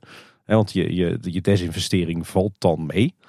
Maar anderzijds doen het nu ook zo op een manier waardoor je er volgens mij ook voor kan kiezen dat je het over een jaar of tien al die toevoegingen, al die Oosterse toevoegingen weg kan halen. En het café-restaurant weer volledig in oude luister kan herstellen. Oeh, classic wishful thinking, Tim. Nou ja, beide opties zijn natuurlijk reëel en ook al vaker genoemd. Dus uh, ik denk dat, dat, dat deze, deze opknapbeurt en deze thematiseringsslag, dat die, uh, dat die geen van die opties uh, in de weg staat. Nee, dat is zeker waar. Maar, maar voor nu, voor de komende jaren, vind ik dit fantastisch. Ik had niet durven dromen dat ze dit eruit zouden slepen met dit gebouw voor, voor een, nou ja, vast geen heel hoog budget. Nou ja, dat zeg je. Ik denk dat er nog stiekem best wel een aardig budget voor vrij is gemaakt. Maar ik kan in ieder geval niet wachten tot we daar eh, naar binnen kunnen. Het allemaal kunnen gaan ontdekken. Want er zijn best wel veel verschillende hoekjes en ruimtes en zo daar. Ik denk dat er echt wel veel details verstopt zitten. En dan uh, nou, gaan we daar maar eens een lekkere maaltijd nuttigen. Ik denk dat hier uh, zeker een miljoen tegenaan is geslingerd. De, nou, op zijn minst. Ik kijk eruit. En dan natuurlijk wel met de kanttekening dat een belangrijk deel daarvan door formaat wordt betaald. De exploitant van Laplace. Oh, ik dacht dat je wilde gaan zeggen dat we nog niet weten wat ze met het toilet hebben gedaan. Nou, ik heb wel een vermoeden. Ik hoop eruit getikt en erin gezet. We gaan het meemaken. Ik, eh, ik denk uh, nieuwe vloertegeltjes, nieuwe potten, nieuwe wandtegeltjes, nieuw kit uh, naadje erin en uh, klaar. Nou, dan is het in ieder geval al weggehaald uit de jaren 50. Zeker. Tim, we gaan eens even kijken naar het stukje wat het veruit het meeste in ons draaiboek in beslag neemt. Namelijk het, het andere grote project. Nou ja, een van de andere twee grote projecten, maar die andere die laten we even voor de volgende aflevering liggen. Maar natuurlijk Dans Macabre, want daar is echt een enorme berg nieuwe informatie over naar buiten gekomen. Maar mag ik even de rem trekken, Paul? Ik ben, ik ben echt totaal flabbergasted dat we in dit stadium zo lang voor de opening, dat we al zoveel te horen hebben gekregen. ik dacht dat de eerste focus, want de allereerste making-of die ging natuurlijk over, uh, nou, wat is de teaser? En toen kregen we de making-of over het ritssysteem. En uh, dat was echt de kern van, van die making-of. Ik denk, nou, de volgende making-of, dat wordt de kern van de bijgebouwen die, bij het, uh, die, die op het terrein ook komen te staan, zeg maar, die al bijna klaar zijn. Nou ja, bijna van buiten bijna klaar zijn tegen de tijd dat, uh, dat je dit hoort. Maar dat was niet zo. We krijgen nou ook gewoon inderdaad een onthulling van het complete buitengebied en de buitenwachtervaring van het Dans Macabre. En het showgebouw. En ja, daar zit het showgebouw. Dus daar is zeker een belangrijk onderdeel van. Eigenlijk het enige wat we nog niet weten is hoe de binnenwachtrij en de voorshow eruit ziet. Ja, nou, er zijn nog steeds wel wat andere vragen die ik heb hoor. Ik weet ook niet hoe de toiletten er van binnenuit gaan zien. Nee, dat is waar. Nou, daar weten we ook al wel het een en ander over. Maar, uh, maar het was in ieder geval een behoorlijk heftig communicatiemomentje van de Efteling. Uh, ze kwamen naar buiten met, uh, met natuurlijk een blogpost en de tweede making-of. Maar het werd ook absoluut goed opgepakt door de regionale en zelfs het nationale media. Ik zag het ook bij RTL voorbij komen. en Jeroen Verheij, natuurlijk de hoofdontwerper van Dans die gaf ook een mooi interview weg bij Omroep Brabant. Uh, met een filmpje. We zullen wel even een, eh, een, linkje plaatsen in de show notes. Maar we werden echt overladen met informatie over Dans Macabre. En ik kan me nu voorstellen dat je het niet hebt gecheckt. Maar het is allemaal mooi gebundeld bij de Efteling op de website zelf in het blog. En ook dat linkje plaatsen in de show notes. Nou, wat is dus uitgebracht? In ieder geval, een, dat was denk ik wel echt de highlight. Een gedetailleerde impressietekening van het hele themagebied. Echt op mega hoge resolutie. Ik heb daar flink op inlopen zoomen om allerlei details af te speuren. Echt heel fijn dat de Efteling eh, de, de, de mogelijkheid bood om in te zoomen, ja. En uh, de technische plattegrond van het themagebied, die zat er ook bij. Word ik altijd heel vrolijk van. Uh, zeker. En een tweede deel van de making-of. En als je daar dan goed doorheen spitte, dan vond je nog wel wat extra detailtekeningen van alle elementen uit het gebied. Uh, daarbij onder andere beelden van de bouw. En ook een presentatie die Jeroen gaf aan het ontwerpteam. En een verhaaltje van de charlatans. Ik moet zeggen, dat laatste stukje is toch het minst interessante voor mij van, heel die making-of tot nu toe. Ja, ik moet wel lachen. Dan heb je weer Otto Charlatan en die begint dan zo van... ja, ik eh, zit hier dus uh, in het bos. Dan denk ik, ja, ik ben afgehaakt, ik lees het wel op loopings. Die kon niet veel meer zeggen dan drie woorden achter elkaar. nee, ja, op zich heel leuk dat, de, dat de Efteling het doet. Maar wij zijn natuurlijk volledig gefocust op alles wat met, met de attractie zelf te maken heeft. Zeker. Nou, laten we dan eens naar gaan kijken, Tim. Want we hebben een hoop nieuwe informatie dus geleerd. Want het showgebouw bijvoorbeeld, dat is dus de ruïne van een middeleeuwse abdij. Nou, die lijkt heel erg op die eerder gepubliceerde tekeningen van Loopings, maar dan verder uitgewerkt. Er zijn ook een paar dingen aan veranderd. Nou, die hebben we al ooit eerder besproken, hè, maar even grofweg. Het is dus een groot achthoekig gebouw wat een beetje trapsgewijs oploopt. Met de steunberen en zo, laten we het dan toch maar even noemen. Ja, en, ik was uh, positief verrast dat, uh, ondanks dat dit een verder uitgewerkte tekening was, dat, uh, dat al dat soort mooie elementen, jij zegt al de steunberen, maar ook al die pinakels en volgens mij ook al wat restanten van beeldjes, dat die er allemaal nog in zitten. Ik vind vooral tof hoe het in het hele gebied ligt en hoe het daar een beetje ook mee samenwerkt. Maar dan moeten we daar maar eens op inzoomen, net zoals wij op de concept art hebben gedaan. En wat je in ieder geval kunt zien is dat het ingestorte dak wel anders is uitgevoerd dan die, die blurry tekening op loopings. En we zien daar eigenlijk alleen maar de afgebroken en afgebrande dakspanten. Dus geen uh, dakpan zo bovenop. Nee, en ook geen, geen koepel. Hè. We zagen in, eh, in de eerste tekeningen ook een soort ingestorte koepel. Maar dat lijken ze nu wat, wat, wat simpeler uitgevoerd eh, te hebben. Volgens mij wordt het gewoon een, een standaard plat dak. Waar ze, wat, waar ze houten spanten tegen op hebben gezet. Ja, de begane grond die heeft veel deuren en ramen. Maar ook heel vaak gebarricadeerd of dichtgemetseld. Ja, wel heel vrij gedaan. En we vinden ook een hoop brokstukken op verschillende niveaus. Al is het maar de vraag waar we er natuurlijk vanaf de grond van zien. Want zo'n concept is mooi van boven gemaakt. Ja, want het gebouw, de, de abdij is echt ja, is eigenlijk een soort taart hè, met, met drie verschillende niveaus. En die springen steeds verder uh, terug. Ook een uh, hoop groen en uh, spookachtige lantaarns tegen de gevels. Knip ook naar het spookslot dat door Hedra was opgegeten. Er zal wel wat terugkomen inderdaad de kern van het hele nieuwe gebied is uh, niet het Huiverwoud. Het Huiverwoud is, is dat nog steeds de naam van het hele gebied of is alleen een deel van de wachtrij die zo heet? Ja, dat leek altijd de naam van het themagebied. Maar na het bekijken van het lezen van alle informatie en het bekijken van, uh, van de making-of lijkt het wel haast alsof het Huiverwoud ja, een beetje het bos is wat we voorheen als heksenpad kenden. Zult zo gewoon aanduiden, want ik denk ook dat dat het geval is. Mm Maar de kern van het gebied zelf wordt dus gevormd door het Abdijplein. Dat is eigenlijk alle bestrating die zich uh, ja, tussen de facilitaire gebouwen en het attractiegebouw en de wachtrij bevindt. Onderdeel daarvan is een mooi pleintje. Daar komt het draaiorgel Esmeralda te staan. En uh, die entertainment act die nu op dit moment buiten het bouwterrein plaatsvindt, die lijkt daar dus straks te gaan plaatsvinden. Ja, en we lezen ook dat Otto en Virginie uh, verkopen op en om het Abdijplein diverse geluksbrengers, hartversterkers en andere moedverhogende artikelen. Die zullen wel nodig zijn, ja. Dus even de vraag of dat, dat plaats gaat vinden in uh, de, de twee winkeltjes waar we het zo over zullen hebben. Of uh, dat er nog iets van een uh, buitenverkoop komt te staan. En of andere doorleefde houten kar of zo waar, dat, waar dat die items worden verkocht. Moedverhogende artikelen, zou dat gaan om drank? Of drugs? Dat, dat denk ik niet. Wat ik vooral heel mooi vond aan, uh, aan de grote impressietekening is dat uh, ook het abdijplein, maar eigenlijk het hele gebied, dat er volle bomen staan. Uh, denk deels bomen die, er, die behouden zijn gebleven, maar ook heel veel nieuwe bomen en heel veel groen. en zelfs hier en daar wat van die typische Pikeriaanse boompjes zonder bladeren met van die hele grillige takken. Ja, als je ze ziet dan weet je meteen deze die, die is van een piekprent afgelopen. En ik hoop echt dat ze die dus fysiek gaan uitvoeren in 3D en dan gaan plaatsen als een soort van decoratieve elementen in het geheel. Volgens mij, Tim, als ik goed heb gekeken en ik heb ook goed opgelet tijdens de Efteling tentoonstelling, zit er één tak bij die echt één op één een tekening is van een, eh, of echt één op één gebaseerd is op een eh, Piekse tekening die ook in het museum hangt op dit moment. In het Brabants Museum. Ja, en verder zien we heel veel uh, leuke kleine elementjes in de buitenruimte die ook allemaal uh, mooi in thema zijn. We zien wat, uh, wat van die echt verfomfaaide vaandels. We zien mooie gethematiseerde bankjes en prullenbakken. hele toffe verlichting. Echt die, die spooky lantaarntjes. Maar ook de wegwijzers in het gebied, die zien er vervallen uit. Mag ik iedereen erop wijzen trouwens dat er een duidelijke hiërarchie in die wegwijzers zit. Je hebt namelijk twee bordjes die, die belangrijker zijn dan de rest. Die zijn wat chiquer en wat groter vormgegeven. En die zijn van de attractie Heel belangrijk natuurlijk in het gebied. En de toiletten. Dit moet een geintje van Jeroen zijn. En de andere bordjes die wijzen naar eh, de winkeltjes en naar de horecapuntje en zo. Maar de attractie en de toiletten die zit op gelijk niveau, Tim. Goed zo, ik, zeg, hoort, ik heb het altijd gezegd. Ja. Ook het straatwerk is, eh, is heel mooi. Uh, verschillende soorten gebakken klinkers gaan we terugvinden in het gebied. In plaats van het asfalt wat er voorheen natuurlijk altijd lag. Wel opvallend is, is dat alle paden in het gebied heel erg recht zijn. Ja, inderdaad ja. En niet, niet de kromme wegen die we hier misschien zouden verwachten. Terwijl Frans Genet toch allemaal instemmend stond te knikken in de making of. Ja, dat is dan eigenlijk wel vreemd hè? Ja. Hm. En wat ook heel tof is, is dat uh, het huisje waar voorheen matroos Gijzen in zat, dat blijkt te blijven staan. En daar hebben ze zelfs een heel los pleintje rondomheen uh, gecreëerd. En uh, ja, het gerucht gaat toch dat dat, dat huisje een nieuwe invulling gaat krijgen. En ik hoorde al ergens broeder Gijs voorbij komen, of monnik Gijs. Maar goed, dat is, een, dat is een gerucht. Ik weet nog niet hoeveel waarde we daaraan kunnen hechten. Maar heel tof dat het huisje blijft staan. wat me wel opvalt aan het plein is dat er niet echt echt een plein is, zeg maar. Je had natuurlijk vroeger het, het Witte Walversplein, vrij veel stenen daar. Nu lijkt veel meer van de steen vervangen te zijn door groen. En heb je kleinere individuele pleintjes. Ik ben wel benieuwd hoe dat gaat met groepsvorming of mensen die op elkaar zitten te wachten. Je hebt heel veel bankjes waar je kunt, waar je kunt plaatsnemen.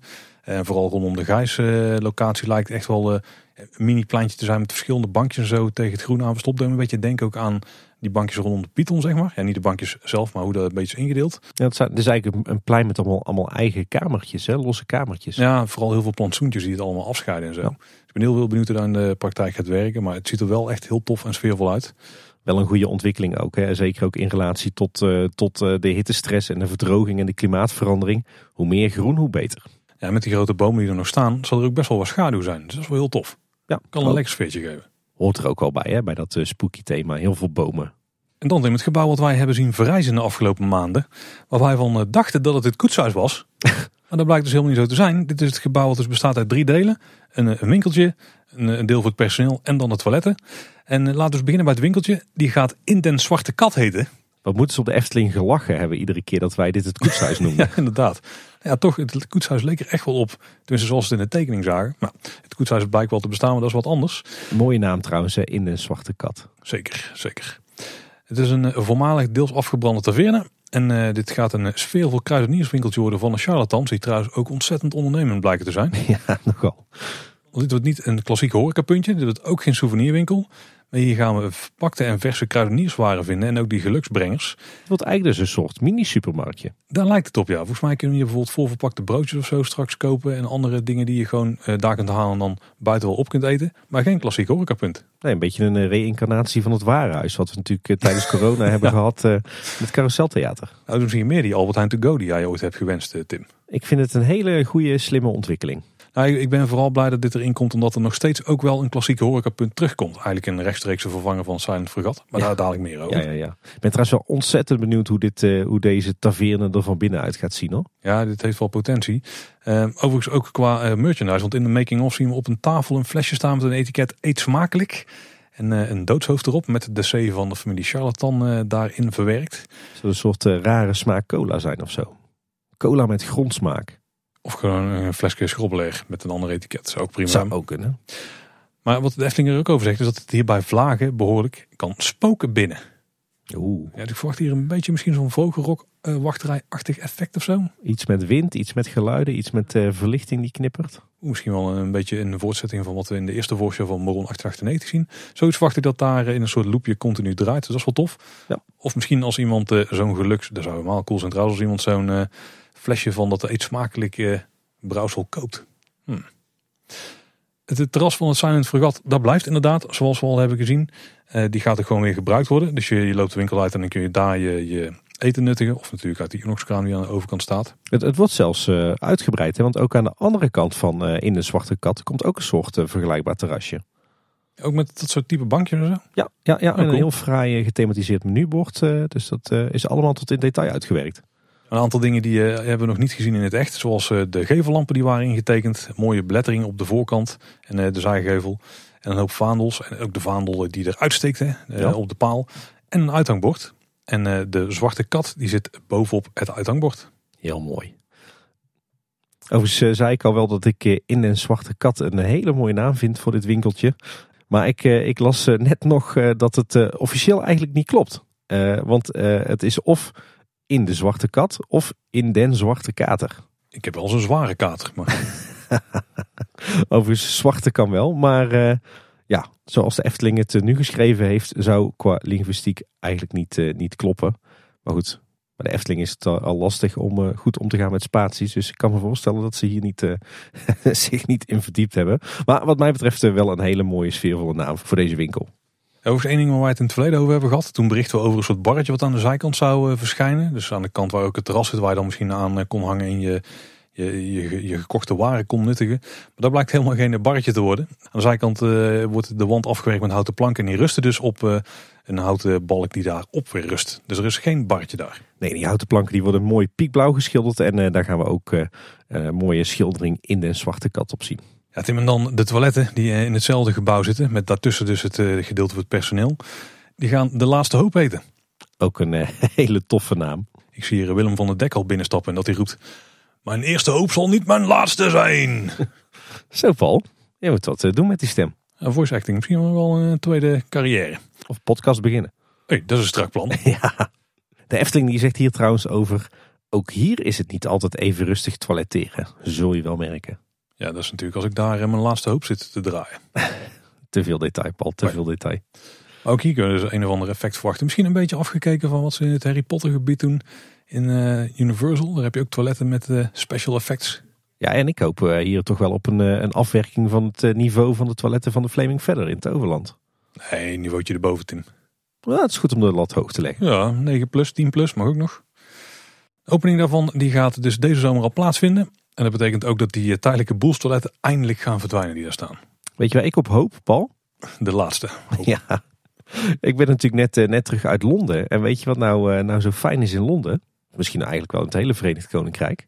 Dat de pond enorm zwak is tegenwoordig. Daar ook, dat eh, vond de portemonnee wel fijn. Maar eh, nee, in, in Londen of in Engeland heb je overal standaard warm water op toiletten. Ah, dat is een Disneyland. Kan je lekker je, je handjes wassen met eh, aangenaam warm water. Zeker in guur weer geen overbodige luxe. Nee. Dat hebben we natuurlijk eigenlijk vrijwel nergens in Nederland. En ook in Efteling niet. Je hebt altijd dat ijskoude water. Maar dit, dit zou toch wel, dat zou ook wel 9 plus zijn. Ik heb een paar punten in Efteling volgens mij wel warm water ooit gehad. Maar dat was misschien een... eh, dat de, de, waterleiding over het dak heen liep en het 30 graden was buiten of zo. Dat zal eh, de legionella-bacterie ook leuk vinden. En dan het koetshuis zelf, Tim. Dat is dus een nieuw gebouwtje. Ja, Wat nog niet gebouwd wordt op dit moment. In ieder geval niet voor zover we kunnen zien. Misschien dat ze funderingen ergens aan het maken zijn. Maar dat zit in een uithoek van het uh, bouwterrein waar je niet makkelijk kunt kijken. Want er komt dus gewoon nog een los gebouw bij te staan. Het koetshuis. En daar gaan we straks weer popcorn en een suikerspin kunnen kopen. Kijk, het, eh, het aanbod van eh, het Silent Vergat. Alhoewel ik wel hoop dat het hier een beetje een eh, spooky twist krijgt. Zou, zou je een grijze suikerspin kunnen draaien? Oeh ja, volgens mij is die roze kleur gewoon een kleurstof. Dus Ja. als je een grijze kleurstof hebt. Of gewoon een witte suikerspin, een witte suikerspin eruit. En daar dan een suikerspin op doet. Als in een spin van suiker of gewoon van Oh ja. drop of zo. Of zwarte suikerspin. Best wel signature snackmateriaal ja. Ja. Oh, cool. Fijn dat jij het even zegt. Ja, dus op dit moment nog niks van te zien. Maar op de tekening zien we in ieder geval ook weer een klein ruïneachtig gebouwtje. Ja, met eh, twee, eh, twee mooie zijgevels. Met van die spitse boograampjes erin. En het doet ook een beetje kerkelijk aan. Eh, het dak is ook hier ingestort of afgebrand. We zien nog wat verkoolde dakspanten staan. Heel tof. Ik ben heel erg benieuwd hoe ze dat, dat gaan uitwerken straks in de praktijk. En we zien ook op een van die dakspanten ja, twee toch wel heel erg piekse kraaien staan. Ja, tof. Ik hoop dat we dit soort details op heel veel plekken gaan zien in het eh, gebied. En daar lijkt het afgaan op deze tekening wel op. Zo ja, Maar van dat soort details houden we wel, ja. Dus nieuwe vogels bij Panorama, maar ook hier. kom maar op met, eh, met al die beeldjes en animatronics. Ik vermoed wel dat dit gebouwtje dus pas open gaat, ook samen met Dans Macabre zelf. Want omdat we daar nu nog niks van zien. En de nadruk echt wel ligt op het gebouw met die toiletten en eh, in een zwarte kat. Ja, en dan wat mij opviel op die tekening, is dat denk ik toch wel het grootste deel van het buitengebied, en dat vond ik opvallend, ingenomen wordt door de buitenmeandering van de attractie. Ja, best wel een verrassende keuze. Dat is Ja. eh, een, een groot deel, tenminste we weten natuurlijk nog niet wat er binnen gaat gebeuren. Maar dat toch een heel groot deel van de meandering eh, van Dans Macabre buiten gaat liggen. En maar ook dat die van het totale gebied bijna de helft beslaat, denk ik. Nou ja, we zeggen meandering. De Efteling noemt het zelf eh, de wachtreis. Maar het blijkt ook wel dat de hele beleving, de hele storytelling, eigenlijk de attractie al begint op het moment dat je, dat je onder de poort van, eh, van de meandering doorloopt. Dat je de meandering binnenstapt. En misschien begint die beleving al wel op het moment dat je gewoon een themagebied binnenwandelt. Maar eigenlijk die hele buitenmeandering, die echt is ingedeeld in allerlei verschillende elementjes of themagebiedjes of verschillende verhaaltjes. Ja, dat is eigenlijk al gewoon onderdeel van het verhaal en van de attractie. Zeker. Nou, we gaan er eens bij wijze van spreken met jullie doorheen lopen. Want de, de entree van de wachtrij die begint met een onheilspellende poort. En eh, dan loop je tussen twee kolommen door. En op de ene kolom daar vinden we een beeldje van een monnik. Misschien een knipoog naar spookslot. En op de andere kolom daar ligt de zwarte kat die we kennen met de twee gekleurde ogen te spinnen. En eh, die, be, ja, die begroeten ons bij wijze van spreken. En dan komt wel een heel tof element in, want dan lopen we namelijk tegen een vervallen kopse kant aan van een gebouwtje wat er ooit heeft gestaan met de twee losse doorgangen. Aan de linkerkant kunnen de single riders in en aan de rechterkant kun je de family lane in, dus de reguliere wachtrij. In het midden vinden we dan een huisje voor een medewerker. Maar wat is hier nou tof aan? Dit blijkt dus de kopse kant van een gebouwtje te zijn geweest wat ooit een aanbouw was van het showgebouw, dus van de abdij. Want als je goed kijkt, dan zie je dat de, de spanten die in die gevel lagen, dat die uh, uiteindelijk helemaal doorlopen tot aan het showgebouw. Die spanten zijn natuurlijk niet meer. Maar je ziet de, eind, de nog in het showgebouw zitten. Dus je wel meer van die gordingen heb ik van jou geleerd in het gebouw uitsteken. Die al inmiddels afgebrokkeld en afgebroken zijn. Waardoor je eigenlijk ja, een beetje de historie kunt zien van het gebouw wat er stond. En dat gebouw is niet uh, zomaar een gebouw. Dat is namelijk de kruisgang. Dat is een ouderwetse, vaak een, een buitengang of zo die bij um, kloosters en zo gerealiseerd was. Een soort gaanderij eigenlijk. Ja, een gaanderij voor kolonnade. En uh, door de restanten ervan, uh, daar, uh, daar bevindt zich het eerste deel van de wachtrij. Met een hoop wel klassieke wachtrijhekjes uit trouwens voor Efteling begrippen. Ja, maar volgens mij wel mooi gedetailleerd. En ook een hoop oude plavuizen op de vloer. En we, zien, we lopen dan tussen de ruïnes van, ja, van de muren van de, de kruisgang die daar lag. En een hoop gras wat er inmiddels tussendoor groeit. Ja, ik hoop dat het echt zo ruiger uit komt te zien als het op de tekening eruit ziet. Nou, dat ziet er heel vet uit, ja. En ook nog torts aan het gebouw, die kennen we nog uit de spookslot. Hè? En ik vermoed nu dus met mooie verlichting erin die ook buiten goed zijn werk doet. Ja. Zeg, na de kruisgang komen uit in de kruidentuin. Ook weer mooi allemaal met UY natuurlijk. En we lezen daarover dat, uh, dat de bewoners van de abdij daar vroeger hun kruiden en gewassen verbouwden voor hun maaltijden. Maar inmiddels is de kruidentuin ingenomen door uh, Virginie Charlatan. En daar verbouwt ze haar uh, geneeskrachtige en angstwerende kruiden die ze verwerkt in diverse drankjes en producten. Nou, die zullen we wel kunnen gaan kopen op de verschillende plekken in het themagebied. En helemaal aan het eind van die kruidentuin, daar vinden we een zware houten poort. Ik hoop trouwens wel dat ze die kruidentuin ook echt uh, vanuit de tuindienst uh, gaan aanplanten met allerlei uh, echte kruiden. Nou, hij is wel deels overwoekerd hè, als we de tekening moeten geloven. Dus ja. we zien dat Virginie maar een klein deeltje ervan gebruikt. Ook is het trouwens wel zo dat, je, dat ze het volgens mij zo hebben gemaakt dat je de kruisgang voor een groot deel kunt overslaan. En vrijwel direct nadat je de poort doorkomt rechtsaf kunt slaan en dan de kruidentuin betreedt. Dus mocht het dan rustig zijn op bepaalde dagen, dan hoef je niet heel die slinger door de kruisgang door te lopen. Maar de kruidentuin die moet je volgens mij wel helemaal afleggen. En dat geldt volgens mij ook voor de rest van eh, de wachtrij. Want het volgende deel wat we dan betreden door die poort is het kerkhof. En daar worden we met angst en beven toegelaten door een lid van de familie Charlatan. Zou dat een medewerker zijn? Of zou het gaan om een beeld of zo? Ja, of zou het misschien gaan, want we lopen dan ook niet langs, die, uh, langs het mausoleum. Dat we daar misschien ja. uh, geluiden of zo uit horen. Nou, hier krijgen we in ieder geval een voorproefje van wat ons verderop in de kapel te wachten staat. Want hier horen we mysterieuze flarden van muziek. En het zwarte katje laat opnieuw van zich horen hier. Maar wel iets minder liefelijk dan zojuist. Dus hier begint de attractie toch wel echt in. En als we goed kijken en luisteren valt op dat alle graven op dit kerkhof plaats bieden aan diverse muzikanten uit alle windstreken. Wat heeft dat te betekenen? Ja, dat staat natuurlijk mooi aan op het, eh, het verhaal hè, van de charlatans. Ik zou me zomaar kunnen voorstellen dat hier uit, uit de graven her en der wat flarde muziek eh, klinkt. Ja, dat is wel tof zijn als je uit... Ik kan me ook zo voorstellen dat ze zo gaan realiseren. Dat ieder graf dan zijn eigen instrument eh, is. Die dan samen wel de totaalmuziek van Dans Macabre inderdaad in flarde vormen. Ja, zou wel ja. vet zijn. Ja, op de, op de impressietekening zie je ook wat, wat schimmen uit een graf of een grafmonument vliegen. Zou dat een van de special effects zijn? Het zou zomaar kunnen. In ieder geval is het wel heel mooi uitgevoerd tot dat kerkhof. Omgeven door een hele mooie muur. Allerhande graven en grafstenen. Zo'n mooie mausoleum, zo'n zo'n uh, grafmonument. Uh, mooie lampjes allemaal in thema. Dit wordt echt een heel sfeervol plekje. Ja, en dan gaan we door naar een gebied wat ons wel bekend is. Het Huiverwoud. Zoals je al zei Tim, dat is wat we voorheen kennen als het heksenpad. En dan komen we via een kleine poort aan de achterkant van het kerkhof op uit. En daar vinden we tussen de bomen en op boomtakken gemene oogjes. En op de ontwerptekening zien we ook een paar vleermuizen hangen in de bomen. Dus ook daar weer beeldjes van in ieder geval dierlijke figuren. Misschien animatronics, maar ik vond gewoon beelden die daar hangen heel tof. En hier zou een dreigende ondertoon moeten hangen met een onheilspellende sfeer. En ook hier vinden we een paar grafstenen. En wat ik dan echt enorm tof vind, Tim, is... Eh, nou, de Efteling die geeft er een mooie inleiding bij, dus laten we die gewoon overnemen. Aan het eind van het glooiende bospad zien we een aantal oude versleten banieren hangen. Waarop we nog net kunnen lezen dat hier lang geleden een mysterieus muziekconcours moet hebben plaatsgevonden. En die banieren die hangen naast een houten brugconstructie, echt super vet, die richting het showgebouw loopt. Ja, een soort uh, vlonderbrug eigenlijk hè? Ik vind het echt een heel vet element uit de hele wachtrij. Dat je dus het bos doorloopt en dan over een brug moet. Dus dat betekent ook dat eronder dus uh, ruimte is. Dus dat je op hoogte het showgebouw gaat betreden. En daar staan ook nog extra lampjes op, maar met die vaandels erbij. Ja, dit, dit vond ik echt een heel tof. Dus ik kan me helemaal voorstellen hoe straks daar zo het gebouw gaan betreden. Super vet. Ja, dat showgebouw hebben we het natuurlijk al uitgebreid over gehad. zojuist en ook in vorige afleveringen. Ik ben trouwens wel benieuwd. de Efteling noemt het in eerste instantie een, een abdijruïne. Maar op verschillende plekken in de communicatie ook ineens een kapel. Zou die kapel zou dat dan een soort voorshow zijn? Of doen ze met die kapel wel op de abdij? Ja, kapel is vaak een aanbouw hè, aan het hoofdgebouw. Ik vermoed, of ik hoop dat dat dan nou de binnenwachtrij is of de voorshow. Want we hebben nu over het buitengebied gehad, we weten van binnen dus nog niks. Maar ik vermoed dat we, zeker in uh, deze tijden en zeker als we voor de 9 plus of gaan, ons niet alleen maar buiten in de regen gaan staan laten wachten. Dus ik verwacht dat het laatste deel ook uh, binnen is. Dat je in ieder geval voor een kwartier of zo nog binnen wat te wachten hebt. En dat er een voorshowtje is. En dat zou zomaar in een kapel kunnen zijn. Ja, ja, ja. Hey, en dan uh, tot slot, en dat is ook wel een hele, een hele toffe. Uh, we verlaten namelijk de attractie uh, via een souvenirwinkel. Exit through the gift shop. En die winkel die gaat luisteren naar de naam Dr. Charlatans Kwalijke Zaken. Ook weer een uh, ontzettend mooie naam. en dan gaan we diverse sinistere souvenirs en griezelige geschenken vinden kan niet wachten om daar het, eh, het aanbod eh, te bekijken. En wat een hele toffe extra uh, easter egg is, is dat de uitgangsdeuren van die winkel en dus van de attractie, dat die identiek de oude ingang van het spookslot zijn. Ja. Dus die gaan ze volledig herbouwen. Echt heel gaaf.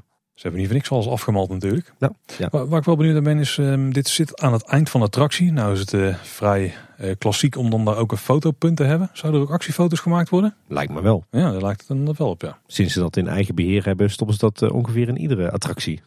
Ben, ben wel benieuwd. Ik, ik heb laatst volgens mij de allergrootste Exit Through the Gift Shop ter wereld gehad. Hoe, in Londen? Ja, wij zijn natuurlijk ook naar de Harry Potter studios geweest. Ik had al vermoeden dat was, ja. Nou, daar zit echt, daar, daar, moet je ook, nadat je door de studio's heen bent, uh, na een uur of vier, dan mag je door een, uh, moet je door een souvenirwinkel. Nou, die, die bestaat gewoon uit, uh, uit vijf verschillende zalen. En dat alles bij elkaar, dat is gewoon één enorme souvenirwinkel. Exit through the shopping center. ja, precies. Ik hoop dat een klein, beeld, een klein beetje van die sfeer die daar hangt, dat we die ook hier terug gaan vinden als we er alle materialen die uit zijn gebracht uh, nog een beetje spitten, dan uh, vallen ons nog wel meer dingen op. Zo uh, zagen we dat de minimumlengte van de attractie 1,20 meter gaat worden. Ja. En dat er ook een adviesleeftijd lijkt te zijn, net als vroeger bij het spookslot, van minimaal 8 jaar. Ja, ik ben heel blij dat dit slechts een advies is. Dus dat je ook met jongere kinderen erin mag.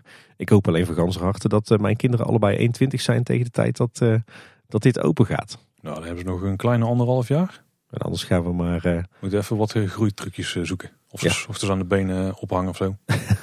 of gewoon een flinke plateauzolen. Nou, dat kan ook, ja. Ik heb ooit gehoord eh, dat je snickers in eh, schoenen kunt stoppen daarvoor. Snickers? Ja, dat was uh, Chris Hemsworth volgens mij die dat had gedaan in Disneyland. Waar hij nogal veel commentaar op kreeg. Ah, oké. Nou, ook wil de Efteling een ervaring gaan maken voor iedereen. Dus de wachtreizen gaat ook inclusief zijn bijvoorbeeld. En dus in tegenstelling tot heel veel andere attracties gaat hier, kan hier iedereen gewoon mee in de, de reguliere wachtrij. Dus gasten met een beperking die maken ook de hele wachtreis mee. En vanaf het begin was al bekend dat het attractietype van Dans Macabre een uitdaging zou worden wat betreft de toegankelijkheid vanwege die grote draaischijf, schrijft de Efteling. Volgens mij is het wel de bedoeling dat uh, mensen um, die uh, de transfer kunnen maken ook gewoon de attractie kunnen gaan doen. Ja. Maar als je niet zelfstandig een stukje kan lopen, dan kun je met eventuele begeleiders naar een andere ruimte gaan. En daar beleven ze de attractie op een eigen manier. Ik denk een beetje vergelijk met Villa Volta, misschien wel zelfs Droomvlucht uh, Virtual Reality. Ja, dat denk ik ook als ik de omschrijving hier lees. Want het wordt een zeer passend alternatief waarbij alle zintuigen worden geprikkeld door geluids-, wind- en lichteffecten. Ja, klinkt goed. Hey, iets anders wat mij uh, ook opviel. Uh, er is natuurlijk een eh, gedeelte van het spookslot blijven staan en van de, de Vlederikkenzaal. we vroegen ons af, hoe gaat het nou straks in het gebied staan? Is het een op zichzelf staand element of gaat het onderdeel uitmaken van het, het nieuwe showgebouw? Maar het is dat laatste, hè? het showgebouw wordt er inderdaad tegen aangebouwd. Ik denk niet dat we er echt doorheen gaan lopen, zeg maar. Dat het meer een decoratief element wordt wat eraan vast zit. Maar ja, daar lijkt het op de tekeningen wel op, ja. Maar ik denk dat we er uh, weinig van gaan zien. Ja, misschien vanuit het laatste stukje wachtrij nog. Maar het is wel moeilijk om het vanuit een andere hoek te bekijken. Want wat lijkt te gaan verdwijnen, permanent, is de verbinding tussen Piranha en de Padoespromenade. Dus we kunnen straks niet via het Huiverwoud daar naartoe of via dat dijplein. En de webcare die heeft het inmiddels al bevestigd. En als we de tekeningen bekijken, loopt er wel een klein paadje aan de achterzijde van op dij richting Fabula. Maar dat is denk ik voor personeel dan. Ja. Want er lijkt geen uh, voor gasten verbinding te komen, zoals vroeger. Wat denk ik wel echt een gemis is, want ja, dit was toch een van de nou, door ons veel gebruikte paden hoor, in de Efteling. Echt een doorsteken. Dus we moeten voortaan flink gaan omlopen. Ja, ja, dit themagebied is dus echt alleen maar straks benaderbaar vanaf, uh, vanaf de Piranha. En uh, ja, vanaf de Piranha loop je echt het plein op met uh, in- en uitgang. Ja. Ook nog een klein opvallend puntje. Jozef is Jozef met PH geworden in plaats van met een F. Ehm, dat is misschien internationaler? Of zou dit misschien ook een soort situatie zijn met doopnaam of zo? Nou ja, eh, iemand vroeg het aan, eh, aan de webcam van de Efteling van eh, hoe zit dit? Hè? En, ineens is die voornaam heel anders geschreven. Uh, maar de webcam zei dat het een foutje is. Maar wat is dan het foutje? Ja, zou het dan toch gewoon Jozef zijn uh, met ZEF? Daar gaan we dan nog meemaken. Dat is dan een slordigheidje, want het zat wel met, met PH in de making-of. Naast dat wij in de redactie natuurlijk alles tot in detail hebben uitgepluist, hebben ook andere luisteraars dat gedaan. En uh, luisteraar uh, Vlederik Maarten, die had een enorm lange thread op Twitter gezet. Met een opvallende zaken. En die had gezien dat er onder andere ergens een vrij opvallend gepositioneerde arm uit wat de tekeningen leek te steken. Dus een andere schets die erachter lag. Wat toch een hintje zou kunnen zijn dat de dirigent er gaat komen. Ja, de, de dirigent zoals die ooit door eh, Tom van der Ven was ontworpen voor het spookslot, maar nooit is gerealiseerd. En we weten natuurlijk dat Jozef Charlatan, de bedovergrootvader van Virginie, dat die dirigent was van het, van het orkest wat spoorloos is verdwenen, hè, wat op het kerkhof ligt. Dus het zou zomaar kunnen. Dat we niet raar zouden moeten staan kijken als we hier een animatronic van een dirigent gaan zien in de attractie. Ja, nu we dit alles tot ons hebben kunnen nemen, Tim, even gaan kijken wat we ervan vinden. Maar misschien voordat we dat doen, zullen we even naar een voice gaan van luisteraar Rutger die we hebben gekregen. Hey Tim en Paul, Rutger Wolters hier. Zitten jullie ook zo ontzettend na te genieten van die super gave tweede making-of van Dans Macabre? Ik kon al moeilijk wachten en nu wordt het helemaal lastig. Wat gepresenteerd wordt ziet er super gaaf uit. Ik denk dat er uh, nog niet zo compleet gebied is in de Efteling als dat nu gepresenteerd wordt. De gebieden maken ontzettend nieuwsgierig. Het Abdijplein, de Kruidentuin, Kerkhof, Koetshuis, noem maar op. Lang wachten. Maar goed, waar ik nieuwsgierig naar was en wat mij een beetje triggerde, is dat de Efteling weer gaat doen waar ze zo goed in zijn. En dat is van die hele kleine, super gave details die het gebied, het waanzinnige gebied gaan maken dat het zal worden. Denk daarbij aan de vleermuizen die ze teasen, genoemd als de kleine oogjes in de bomen. Maar je ziet ook de kat op de poort zitten met de twee verschillende kleuren ogen. En zo biedt het gebied natuurlijk ontzettend veel mogelijkheden om allemaal van die leuke kleine ja, extraatjes erin te verstoppen die, uh, die de Efteling de Efteling maken. Nu was ik dus heel nieuwsgierig, nadat jullie deze making-of hebben gezien, wat jullie ideeën daarbij zijn. Wat denken jullie dat de Efteling hier gaat verwerken? Hè, rondom de tombe van Jozef in de wachtrij. Ik ben erg benieuwd. Ik hoor graag van jullie. En ja, blijf doen wat jullie doen. Uh, elke week weer genieten van die super gave afleveringen van jullie. Dankjewel. Nou, dankjewel voor je voice Rutger. Ja, wat vinden wij daarvan, eh, Tim? En ook van de manier hoe de Efteling eh, toch weer lijkt terug te grijpen naar waar ze enorm goed in zijn. Ja, ja, wat we tot nu toe allemaal hebben gezien en gehoord van Dans is toch geweldig. Ja, ik word echt ontzettend enthousiast van. En iedere keer dat er weer meer informatie naar buiten komt, gedetailleerdere tekeningen, ja, word ik alleen maar extra enthousiast. Dit is wat mij betreft uh, op alle vlakken super. Ik hoop maar dat het uh, allemaal ook mooi wordt uitgevoerd zoals we nu zien op, op alle tekeningen. Dat er niet te veel op bezuinigd gaat worden en dat het ook allemaal zo mooi uitpakt als op tekening. Dan, dan denk ik dat, dat de lat hiermee enorm hoog ligt. Minimaal op het niveau van Bron 1898, wat, wat voor mij al een volmaakte attractie was. En misschien wel, wel nog hoger. Nee, ik, ik, ik zie hier eigenlijk maar bar weinig in waar ik ook maar één puntje van kritiek op kan hebben. Dus ik hoor hier zeer gelukkig van. De Efteling overtreft, overtreft zichzelf hier, hier wederom. Dus heel tof hoe ze dit echt als één groot themagebied aanvliegen. Met een attractie, met een souvenirwinkel, met, met een supermarktje, met een horecapunt, met entertainment, met een grijs, met toiletten. En ja, alles in datzelfde thema en verhaal. Dit, dit, dit is gewoon perfect. Weet je wat bij mij continu in mijn achterhoofd rondgaat als ik die, die plan hier allemaal zie, die tekeningen uitpluis? Nee. 9 plus. Ja, ik, ik heb echt het idee dat we iedere keuze die ze hebben moeten maken, ze hebben gedacht van oké, nou wat is, wat is normaal en hoe kunnen we dit nou echt plussen? Hoe kunnen we dit echt die 9 plus of hoger uh, ervaring maken? Want ik denk dat dit misschien nog wel een stapje hoger is, maar dat ligt ook voor een grote landen uitwerking. Er lijkt nergens op beknibbeld te zijn. En daar vind ik zelf echt een enorm uh, mooie ontwikkeling weer. En die zien we eigenlijk wel met de laatste projecten die ze aanpakken. Nou, de kastbouw wordt nog interessanter, maar eigenlijk alles wat de Efteling de, tegenwoordig zelf doet, dat, dat lijkt wel op die manier te gaan werken. Want eigenlijk wat we hier gaan krijgen, en dan het is Jeroen Vrij ook, maar dan moeten we misschien niet helemaal uh, daarom zo zien. Maar ik denk dat dit een beetje een voortzetting wordt van hoe ze ook uh, Bekkerij Krumel hebben aangepakt. Ja, maar ook de wereld van Simbad, maar ook de Zes Zwanen.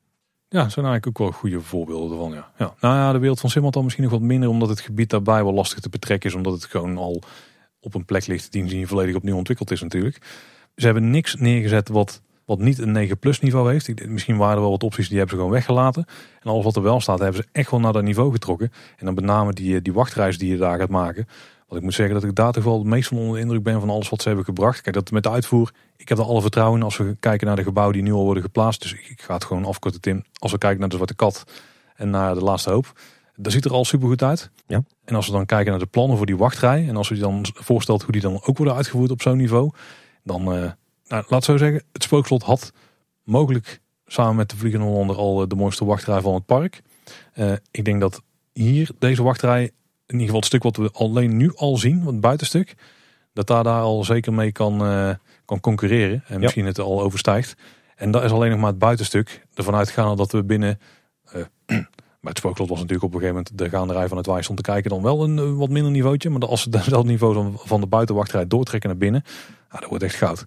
En we waren vooraf een beetje bang dat het eh, showgebouw misschien heel massaal en zo over zou komen. Maar ik denk omdat het een beetje in de hoek is geplaatst van het uh, themagebied, dat het wel mee gaat vallen. Ik bedoel, het is een groot gebouw uiteraard, maar hoeveel er al voor en rondomheen gebeurt. Ik denk dat dat, uh, nou, zo zeggen, afleidt van de enormiteit van het gebouw. Maar ook als je het gewoon ziet in de concept art, ja, het ziet er gewoon, uh, gewoon top uit. Ja, en ik denk dat die massaliteit ook wel meevalt, omdat het gebouw wordt niet hoger dan het, dan het spookslot. Nee, klopt. Hè? Het gebouw lijkt vrij compact en het is vooral die getraptheid die het wat speelser maakt. Hè? Het enige als je kijkt naar gebouwvorm is dat ik die, die rechthoekige aanbouw die dan mogelijk de voorshow gaat, uh, gaat worden, die vind ik een beetje vreemd. En dat is gewoon echt een, een blok wat er tegenaan is geschoven. En ja, dat, dat past ook niet binnen. Hoe ziet nou een abdijer eigenlijk uit? Maar goed, hij is wel mooi afgewerkt en het, het ligt straks in het bos. Dus dat is wat mij betreft spijkers op laag water. En wat, ik trouwens wel uh, ook heel goed vind is uh, de balans tussen enerzijds uh, meer dan voldoende knipogen naar het, het oude verdwenen spookslot. Maar aan de andere kant is het ook niet te veel. Het is niet zo dat het een grote remake wordt van het, van het spookslot. Of dat we echt te pas en te onpas overal elementen uit het spookslot gaat zien. Het is ook wel een op zichzelf staand nieuw iets. Dus ik vind die balans wel heel goed gekozen. Tim, geen op- of aanmerkingen? Nee, we kregen tot slot wel nog een vraagje van Senne Klaassen. Uh, die schrijft, uh, persoonlijk past het wel bij het sfeertje, maar erg comfortabel wachten is het niet. Vreemd toch dat de Efteling bij elke nieuwe attractie ervoor kiest om niet of amper overdekt te laten wachten. Ja, hier maakte ik ook nog een opmerking over. Want na Bron 1898 hebben ze natuurlijk uh, al vrij snel uh, bedacht dat het toen niet zo handig was om het Nederlandse klimaat alleen maar buiten te wachten. Toen hebben ze die extra wachtruimtes uh, of die overdekte wachthuisjes bijgebouwd. Die overigens zelden gebruikt worden, echt alleen ja. op hele drukke dagen. Want dan kom je zo over de wachtrij in. Toen is Symbolica gebouwd. Daar hebben ze wel een aantal overdekte wachtrijdelen gemaakt. Alleen niet vlak voordat je naar binnen loopt, waar je dan sowieso staat te wachten. Toen is Max Moritz de volgende grote attractie geweest. Daar heb je ook overdekte wachtruimtes. Ze zijn beperkt, maar in ieder geval aan het einde kun je voor een groot deel overdekt staan. Ook tussendoor, helemaal in het begin van de wachtrij, nog een overdekt stukje. Hier lijkt in ieder geval in het buitengedeelte niks overdekt te zijn. Maar ik denk toch echt dat we binnen ook nog, zoals ik net al zei, toch wel een kwartiertje of zo aan wachtruimte zouden kunnen hebben. Want je kunt nog voor een groot deel om het gebouw heen krullen. Zeker eh, met die gelaagdheid die het gebouw biedt. Om daar ook nog overdekt te kunnen wachten. Ja, denk je dat? Ik denk het niet. Ik denk dat we straks met die brug het gebouw binnenkomen en dat we dan in dat, dat rechthoekige blok, dat we daar een, een indrukwekkende voorshow hebben. En dat we vanuit daar door de gangen naar beneden afdalen naar zeg maar de hoofdshow. Nee, ik denk dat dus niet, want je hebt twee van die blokken. En ik vermoed dat een van die blokken dus is voor onder andere die, uh, die, die alternatieve show, zeg maar, die je kunt zien. Oh ja, en ook nog een stukje wachten. En dat er in het andere blok een voorshow zit. En ik vermoed dat die aan de achterkant van het gebouw zit. Een kleine blokje uitbouw wat we hebben, zeg maar. Uh, omdat dat een vrij logische plek is om uh, de hoofdshow te gaan betreden. Want dan stap je namelijk ook gewoon uit aan de andere kant, waar dan ook de giftshop zit. Dus ik vermoed dat we uh, de, de uitbouw aan de ja, noem het maar de rechterkant van de conceptueel dat daar nog een stuk binnenwachtrij is. En misschien ook dat je inderdaad naar beneden gaat of zo. Ik weet niet hoe dat dan zou werken met een uh, met de rolstoel. Dus misschien is dat wel een niveau waar je blijft. Dat is een binnenwachtrij ruimte. En dat je dan uiteindelijk doorgaat naar een voorshow die dus meer in de achterkant van het gebouw zich bevindt. En dan eigenlijk recht uh, door ja, zeg maar de showruimte de doorsteek maakt om weer eruit te gaan. We gaan het uh, volgend jaar zien. Dat gaat nog wel even duren. Maar er komen nog meer making-ofs aan, dus misschien leren we het al wat eerder. Ja, ik denk dat het thematisch hier lastig was om uh, hier uh, te zorgen voor een overdekking van, uh, of een overkapping van het, het wachtrijgebied. en hier is het grote voordeel natuurlijk dat je hier al ontzettend veel volwassen bomen hebt, hebt staan, aangevuld met, met nieuw groen. Dus ik denk dat je zo in ieder geval in de zomer wel een bladerdek hebt wat je redelijk beschermt tegen de zon. Ja, en op het moment dat, uh, dat het hier uh, stroomt van de regen, ja, dat, dat hoort toch ook wel een beetje bij dat sfeertje, toch? Het hoort bij het sfeertje, ja. Maar ik zou het niet erg vinden als ze op termijn hier misschien ook wat overkappingen maken. Ik hoop dus dat er een binnenwachtrij is, met name om uh, niet dezelfde fouten te maken die ze bij de Baron ook hebben gemaakt. Maar ja, afwachten. Tim, dan eh, een of ander eh, vreemd nieuwtje. Tot nu toe nog vooral in de geruchtensfeer. Al hebben we wel al wat dingen ervan gezien. De Efteling lijkt iets te gaan doen rondom Spookslot met NFT's. Welk? Ja, non-fungible tokens. Welk? Ja, dat wou ik zeggen. Nou, het is een op eh, blockchain gebaseerde techniek. Welk? Ja, nou, inderdaad. Ik, ik denk dat, het daar, dat je daarmee al, eh, zonder dat je door hebt, Tim, de spijker op de kop slaat. Want dit, is- ik weet niet waarom de Efteling hier iets mee lijkt te gaan doen. Maar wat dus het geval lijkt te zijn, Spookslot eh, is tot in detail vastgelegd. Er is blijkbaar ook een complex 3D-model van gemaakt. Echt tot in detail kun je alles nog eh, bekijken van het Spookslot. En er gaan wat geruchten. En er is ook een soort webwinkelachtig iets van de Efteling al verschenen via een eh, publieke URL waar je moet inloggen met je wallet. En NFT's kun je in een digitale wallet stoppen en eh, allemaal vet ingewikkeld. Wat ook een beetje het probleem is, denk ik. Nogmaals, spijker meet kop. Maar het zou dus zo kunnen zijn dat je toegangsstickers kunt kopen digitaal om dan iets van een ervaring te kunnen hebben die met die digitaal vastgelegde versie van het spookslot te maken heeft. Veel meer dan dit weten we niet. Misschien tegen de tijd dat de aflevering uitkomt wel. Misschien tegen de tijd dat de volgende nieuwsaflevering uitkomt kunnen we er veel meer over vertellen. Dus laat het daar nu wel op houden. Maar lijkt mij niet het, eh, het allerbeste plan. En eh, ook niet echt heel erg eh, matchend met de doelgroep die de Efteling heeft. Al zitten er vast een paar NFT-gekjes tussen. Ik snap er in ieder geval geen reet van. Nou, mocht het echt iets gaan worden, dan zult het er meer uitleggen. Maar ik hoop vooral op dat dit een uitgebreide 1 april grap gaat worden. Nou ja, weet je, ik ben er best voor om eh, door een soort eh, 3D spookslot te lopen. Gewoon op je computer of eh, met zo'n eh, zo'n virtual reality bril of zo. Ehm, en nou ja, als je daarvoor moet betalen, vind ik al minder sympathiek. Ja. Maar eh, doe dat dan gewoon met, eh, met Ideal. Ja, nou, dit, dit- dit klinkt als een totaal omslachtige methode. Dus ik, ik hoop op een 1 april grap. Maar wie weet, volgende afleveringen hoor je er eh, mogelijk meer over. Maar veel interessanter Tim. We hebben een eh, patent gevonden van Intamin voor een, daar komt die, Taumelandordnung. Nee, Ordnung. Taumeland, Taumelandordnung? Ordnung? Taumelandordnung. Ik ga voor uh, Taumelandordnung. Ordnung. Ordnung. Ordnung. Taumelandordnung. Hebben we hem, denken we? Ja. Mogelijk. In ieder geval iets met een Duits slash Zwitserse slash Liechtensteinse naam. We zullen het patent even linken in de show notes, want het is echt super interessant om te bekijken. Hier eh, vind je namelijk een hoop technische tekeningen van het eh, ritssysteem van Dans Macabre. Ja, en als je maar iets hebt met, eh, met, met de, techniek achter attracties en ritssystemen, dan moet je echt even die, te- die tekeningen gaan kijken. Ehm, wat je eigenlijk ziet is, ja, dit kan toch niet anders dan dat dit het patent is voor, eh voor het Dans Macabre van Intermin. Nou, er zijn heel veel dingen die daar zeker op wijzen. Ja. Ja, even op hoofdlijnen. We zien inderdaad een soort ja, eh, basis die dus in de kelder komt te staan. Dat is wat we nu ook in de keldervloer gestort zien zitten. Een soort ronde krans. Wat zeg maar eh, het, ja, een beetje het fundament is van het apparaat. En daarop staan een heel aantal hydraulische cilinders. Ja, wat me dan opvalt aan het patent, Tim, en dat is iets wat ik me vooraf niet had beseft. Maar stel je hebt een eh, platform en die kantel je een beetje. Dan heb je natuurlijk dat, het, dat die zich ook een beetje een bepaalde richting op gaat bewegen. Maar die cilinders waar die dus op staat, die kunnen ook een beetje hellen naar de zijkanten. Waardoor het platform eigenlijk gewoon precies gecentreerd in het midden blijft zitten. Dat is wel Ja. slim bedacht. Ja, ja, ja die cilinders zijn inderdaad eh, gescharnierd. En dan eh, bovenop die cilinders staat ja, ook een soort cirkelvormig, ja, cirkelvormige basis eigenlijk van het platform waar we op komen zitten. En daar zien we ook een aantal elektromotoren die volgens mij bedoeld zijn om het draaien van die schijf aan te drijven. Ja, dat is dan natuurlijk de hoofddraaischijf die eh, aangedreven moet worden. Want alle individuele ehm, subschijven, om het zo maar te noemen, die zullen ook een eigen motor hebben. Want die moet ook uniek gepositioneerd kunnen worden. En mocht je hier interesse in hebben, ga die tekeningen vooral zeker checken. Maar wat er vooral uit blijkt is hoe flexibel dit systeem wel niet is. Want het platform kan echt alle kanten op kantelen, alle kanten op bewegen. Een beetje hellen, dus ook eh, verschillende kanten op. Ja, maar ook gewoon omhoog en omlaag. De reden waarom het vrij duidelijk is dat dit het Dans Macabre is, omdat je echt je letterlijk een dwarsdoorsnede hebt. Waarbij eigenlijk die verschillende niveaus die we ook zagen in de concept art gewoon kunt zien. Dus je ziet dat je een soort eh, laad- en los ehm, hoogte hebt. Dat lijkt overigens in de kelder te zijn, dat is het laagste niveau. Waarbij dus ook omhoog kan stijgen tot ja, het volgende niveau, het hoogste, niveau. Hoeveel het hoogteverschil precies is, kunnen we moeilijk inschatten. Maar dat zal een meter of drie zijn, gok ik. Ja, dat kan ik, kan ik uit deze tekeningen niet halen. Je ziet hier wel duidelijk dat eh, de draaischijf niet meteen op de cilinders eh, staat. Eh, maar onder de draaischijf zit, eh, zitten nog een zestal armen die als het ware het platform eh, ondersteunen. En daar zit dat, die, die cirkel aan die dus wordt aangedreven met die elektromotoren, waardoor dat die ook kan draaien. Nou, lastig uit te leggen in ieder geval. Dus nogmaals, ga het zeker even zelf checken. Met dank aan onze redactie voor het, het vinden van dit patent. In het park zelf zien we natuurlijk ook nog een aantal zaken. En het eerste wat ons opviel is dat er een nieuwe invulling is voor de act van de charlatans. Die is inderdaad geëvalueerd zoals ooit al het, het gerucht ging. En die geeft wel meer inzicht in de verhaallijn. We hebben hem zelf nog niet gezien, dus we moeten het even doen met een samenvatting van loopings. De charlatans vertellen dat ze het graf van Virginie's bedovergrootvader Jozef, een dirigent, gevonden hebben in het Huiverbouw. Zagen we ook in de making-of trouwens. Ja. Ze troffen in de bossen een overwoekerd mausoleum aan met zijn naam en de datum 13 oktober 1876. Ligt niet heel ver eh, van de opening van de Rijksmijn eh, vandaan trouwens. Daaromheen lagen grafstenen van de overige orkestleden die kennelijk allemaal op die plek gesneuveld zijn. Virginie, gespecialiseerd in ongeluksbestrijding, vermoedt dat sprake is van een soort vloek. Ze is vastbesloten om met haar man op onderzoek uit te gaan om het duistere geheim te ontrafelen.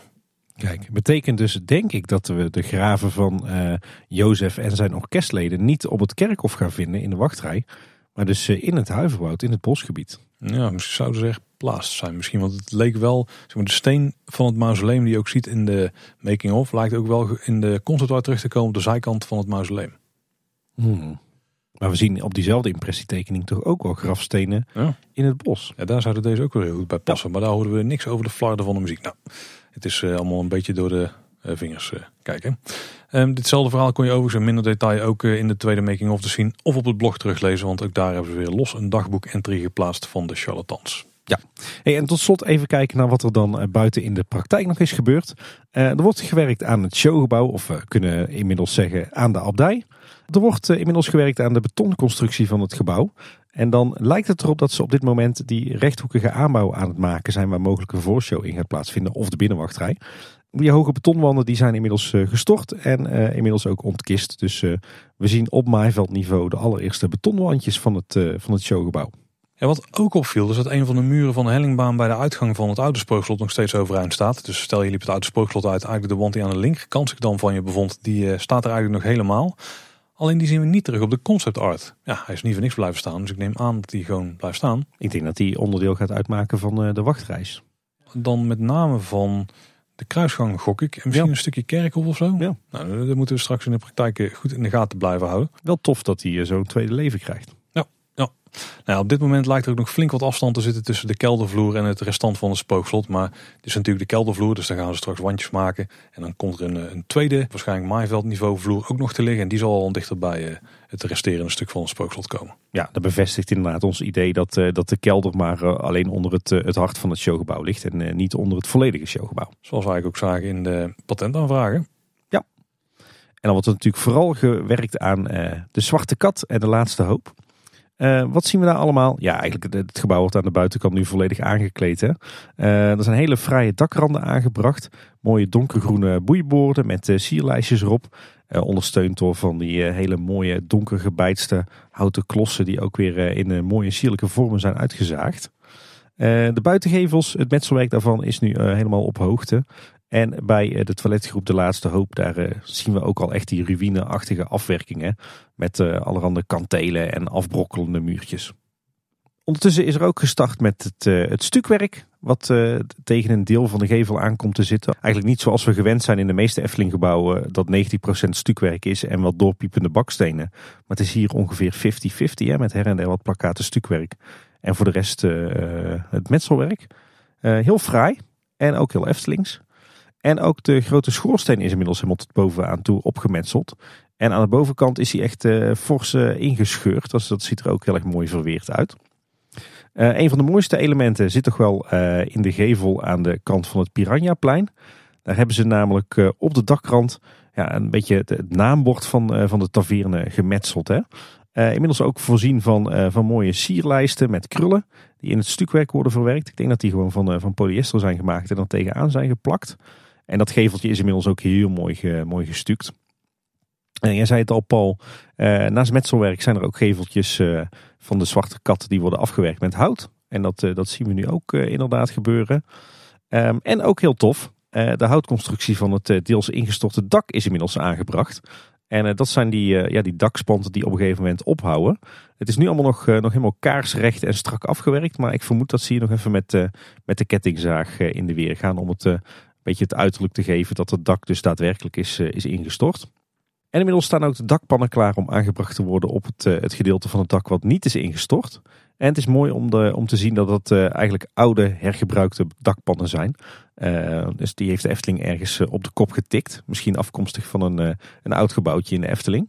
Als je het er toch over hebt, we hebben ook een, de schutting die vroeger rondom het Silent Fregat staat zien hergebruikt worden. Namelijk bij Café de Efteling. Dus daar doen ze aan recycling. ja, precies.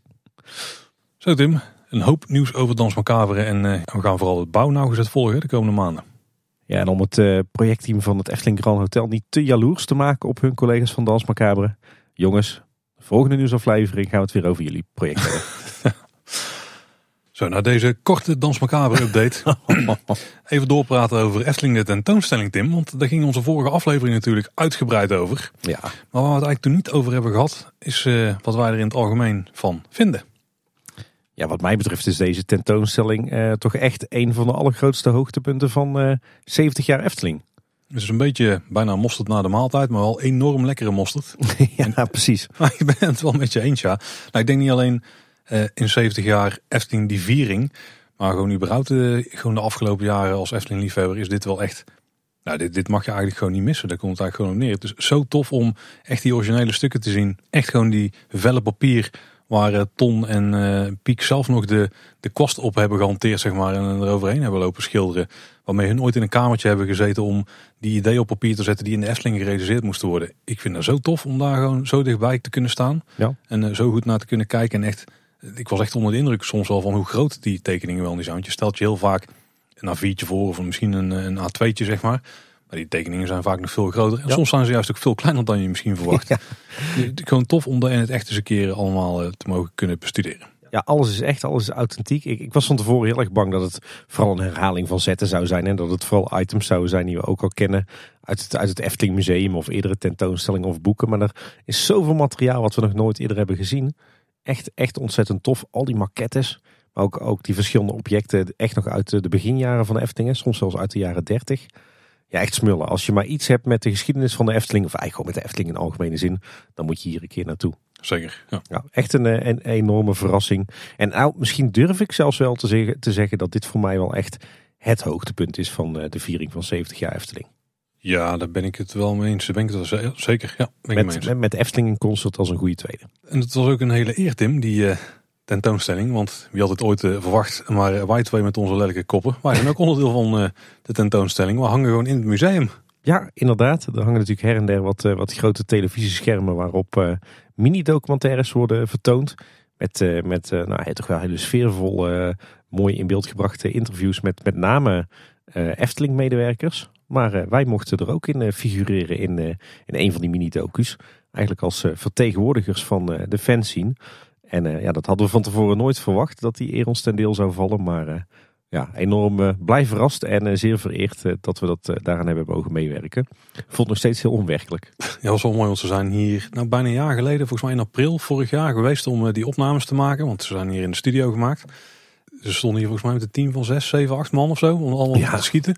Vrij professioneel. En daarna hebben we er nooit meer iets van gehoord. Dus we begonnen op een gegeven moment te twijfelen, is het nog wel, zit er nog wel in? En volgens mij een paar dagen voor de tentoonstelling werd het duidelijk dat er toch wel een stukje van fans terugkwam. Uh, dat waren wij dan dus. Was wel mooi, want op een gegeven moment uh, zei ze van nou, we moeten nog een paar extra shotjes maken. We moeten een beetje aan te kleden.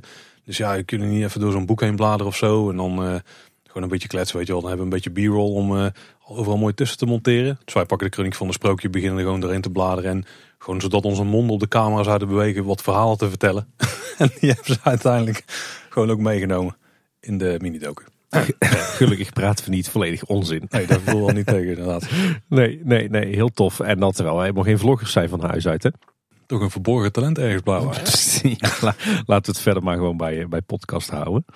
Die video kun je overigens inmiddels online zien. Volgens mij is ook het plan dat die ooit op YouTube komt. Ja. Ook een beetje als promo voor uh, het museum. Al komt er waarschijnlijk niemand meer als die video van ons zien. Kunnen ze beter die van Sander of zo laten zien. Of van Ivo. Of van Carla.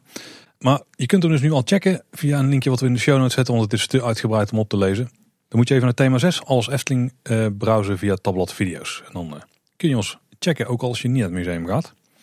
En als je wel naar het museum gaat, uh, let even op, er is ook een kortingsactie. Je kunt namelijk het tweede ticket voor de halve prijs krijgen. En dan moet je de kortingscode Efteling 2023 gebruiken. Efteling met hoofdletters, maar dan zal die wel autocorrect hoop ik. En ben er snel bij, want het openingsweekend was al volledig uitverkocht. En volgens mij is er sowieso heel veel interesse voor deze tentoonstelling. Ik heb eh, heel veel eh, vrienden en bekenden al die kanten uit zien gaan. Uh, tentoonstelling is er tot en met 21 mei. Dus hij is ook zo weer weg. En we weten inmiddels ook dat hij zeker niet verlengd gaat worden. Omdat er daarna ook weer een andere tentoonstelling gepland staat. Overigens kan je met een museumkaart ook gratis binnen. Dus dat is sowieso wel een, een aanrader om dat te overwegen. Maar nog steeds wel reserveren. Ja, en wij gaan er binnenkort ook weer een keer naartoe, Paul. Zeker. Met vrouwen en kinderen. Hey Tim, die eh, tentoonstelling is enorm populair, maar zouden daar 5,43 miljoen bezoekers komen, denk je? Ik denk het niet. Ik denk het ook niet. Maar weet je waar die wel zijn geweest? In de Efteling. In 2022 5,43 miljoen bezoeken. Dat is het hoogste aantal in de geschiedenis van de Efteling ooit. En dat in de 11 maanden die het park maar open was, want één maandje was er nog een lockdown. Ja, ja 2022 eh, is echt een recordjaar geworden. Hè? En ik weet nog dat we, nou ja, met, eh, met corona in 2020 en 2021 dat het zo sappel was. En dat we allemaal heel erg benieuwd waren en ook al een klein beetje schrik hadden van zou het na corona allemaal wel genoeg aantrekken? Nou ja, de Efteling blijkt nog nooit zoveel succes gehad te hebben als in 2022. Oh ja, en dit is natuurlijk ook de tiebreaker voor de glazen bol. Ik weet eigenlijk niet meer wie daar dan heeft gewonnen. Dan moeten we nog even terugzoeken. Maar volgens mij zaten we al twee in de 4 miljoen range ergens te denken. Ik wou net zeggen, wij eh, zaten in de verste verte niet eh, bij de 5,5 miljoen in de buurt, nee. Dus dit is eh, gigantisch veel hoger dan wat wij dachten. En het voelde het hele jaar ook wel wat drukker. Hè? Dus wat dat betreft niet onverwachts. Ja, jij zegt dat, maar hiervoor was 2019 natuurlijk het topjaar. En, dat het laatste jaar voor corona. En ja, voor mijn gevoel was dat jaar toch vele malen drukker dan nu. Maar ja, op de een of andere manier heeft het dan toch een vertekend beeld uh, gegeven. Ik denk dat het tegenwoordig op de een of andere manier al veel meer gespreid is. Het weekend vaak druk en dan de vrijdag en de maandag die daar rondomheen zitten natuurlijk. Hè, vanwege ook de, de bezoekers die in de vakantieparken verblijven. Ook de woensdagen zijn altijd heel druk. En eigenlijk zijn het dinsdagen en de donderdagen de enige nog rustige dagen in de niet-vakantieweken. En in de weken dat in het buitenland uh, vakantie is. Mijn drukteperceptie is vooral bezit op hoe druk de parkeerplaatsen zijn. Uh, en denk ik altijd terug van toen ik er echt voor meer maals per week kwam met de kinderen op die rustige dagen. Tot waar stonden de auto's dan? Niet helemaal te vergelijken, omdat de korte kant natuurlijk zo opgeven. Uh, maar dat is nu zelden meer op het niveau waar het vroeger zat. Die, de hoofdparkeerplaats staat bijna altijd gewoon vol tot achter. Of je moet echt die rustige dagen hebben die je nu af en toe nog treft. Ja, die heb je tegenwoordig eigenlijk alleen maar uh, door de weeks.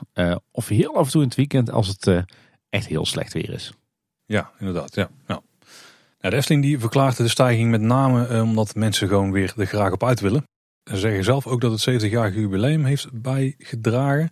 Want die werd gevierd in een attractie met het tijdelijke sprookje Efteling Wonderland. Nou, neem van maan. Ik denk niet dat daar voor heel veel mensen naar de Efteling zijn getrokken. Ja, en ik las ook ergens dat een groot deel van die bezoekers uh, abonnementhouders en schoolreisjes waren.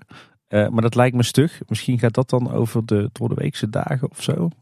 Ja, de Efteling meldde wel heel trots dat er eh, meer dan 100.000 abonnementhouders zijn tegenwoordig. Ja, wat ook een record is voor de Efteling. Hè? Het hoogste aantal abonnementhouders dat ze ooit hebben gehad. En uh, er werd ook verteld op de blog uh, door Fons dat uh, 2022 ook financieel een recordjaar was. Oh, oh. Maar meer details geven ze nog niet. En dat is wel leuk, want je merkt altijd dat het publiceren van de bezoekersaantallen, dat het een soort voorbode is van het, het publiceren van het, het jaarverslag over 2022. Dan moet je daar misschien even WhatsAppje sturen naar uh, meneer Van Tilborg. Dat ga ik zeker doen, want we gaan er natuurlijk weer een uh, mooie uitgebreide aflevering over maken. Het hele jaarverslag hebben we dus nog niet gehad, Tim, maar een paar details weten we wel. Want in 2022 lag de gastwaardering gemiddeld op een 8,6. Dus dat is terug naar het niveau voor corona, begrijpen van uh, Fons Jurgens. Best verrassend eigenlijk, hè, met al die bouwwerkzaamheden en onderhoudswerkzaamheden in het park. Ja, ja.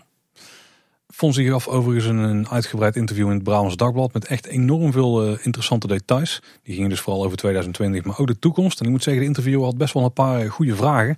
Over bijvoorbeeld uitbreidingen in het oosten met de circus thema. Waar ja, Fons uh, zich vrij goed omheen kletst. Ja, Merel die legde Fons echt goed het, het vuur aan de schenen. Fons geeft in ieder geval toe dat de Efteling nu al echt aan de max zit qua bezoekersaantallen. Ook lazen we dat de bouwkosten van het Efteling Grand Hotel in Dans Macabre 20% hoger lagen dan begroot. 20% op een budget van 75 miljoen, dat is 15 miljoen hè. Oh, dat is gewoon een, een ruime Max en Moritz die daar uh, extra aan betaald moet worden. Ja, maar ze doen het dus wel. Dat komt natuurlijk omdat het financieel goed gaat. Al uh, zei Fons wel dat de bezoekersuitgaven de laatste maanden van het jaar aan het dalen waren. Dus daar merk je toch wel de invloed van de inflatie en de stijgende kosten. Fons werd ook bevraagd over mogelijk uh, de invloed uh, van al het onderhoud op de gasbeleving in het park. Maar uh, Fons zegt erover, het is veel tegelijk en dat merken bezoekers wel, maar het moet. En daar heeft hij natuurlijk helemaal gelijk in. Er werd ook benadrukt dat ze echt een inhaalslag aan het maken zijn. na twee jaar lang bijna geen onderhoud te hebben uitgevoerd. Wel interessant is trouwens is dat dit jaar de winter Efteling blijkbaar is verlengd. Ter compensatie van alle bouw- en onderhoudswerkzaamheden in het park. En vandaar dat de winter Efteling eindigde de dag nadat de droomvlucht werd heropend. Nou zijn de pijlen nog steeds wel gericht in op de uitbreiding aan. Ja, ik verwacht het, want het is wel de bedoeling om na Efteling Grand Hotel en Dans Macabre buiten de bestaande parkgrenzen verder te gaan bouwen. Ik moet zeggen, het verraste mij wel dat uh, dit zo eh, zwart op wit in de kranten kwam te staan. Ik, uh, ik had niet gedacht dat de Efteling daar nog zo stellig in zou zijn. Laten we dat eigenlijk nog even los behandelen, want er was ander nieuws waar dit ook een beetje aan raakt. Maar dit was in ieder geval een vrij recent artikel ten opzichte van het andere nieuws. Dus het speelt nog steeds bij de Efteling. ze wachten wel eerst even de financiële resultaten af van 2023 en 2024. En dan hakken ze de knoop pas door over de oostelijke uitbreiding. Daarna kan het nog zeker twee jaar duren voordat het themagebied er staat. Nou, dat zijn ook een beetje de tijdlijnen die wij hebben uitgezet. Fonds die meldt ook dat als ze dan nieuwe attracties bouwen, dat ze dat wel dan doen als volledige themagebieden. Ze zullen niet zomaar van die individuele um, attracties, of attractietjes gaan neerzetten. Dat is natuurlijk een stuk duurder en dat kost ook uh, een hoop meer tijd. En er werd nog wat doorgevraagd over die oostelijke uitbreiding, waarbij hij dus de, de circusvragen mooi omzeilt. Uh, hij zegt daarbij dus wel dat het een van de vele thema's is die op papier zijn gezet. Um, dat thema was al ver uitgewerkt, maar er zijn ook veel meer ontwerpen. En nog geen enkele heeft goedkeuring gekregen. Dus die plannen zijn drie jaar geleden terug in de kas gegaan en die zijn nog steeds niet uit. Maar als ik dit zo hoor, dan zijn er dus meerdere opties.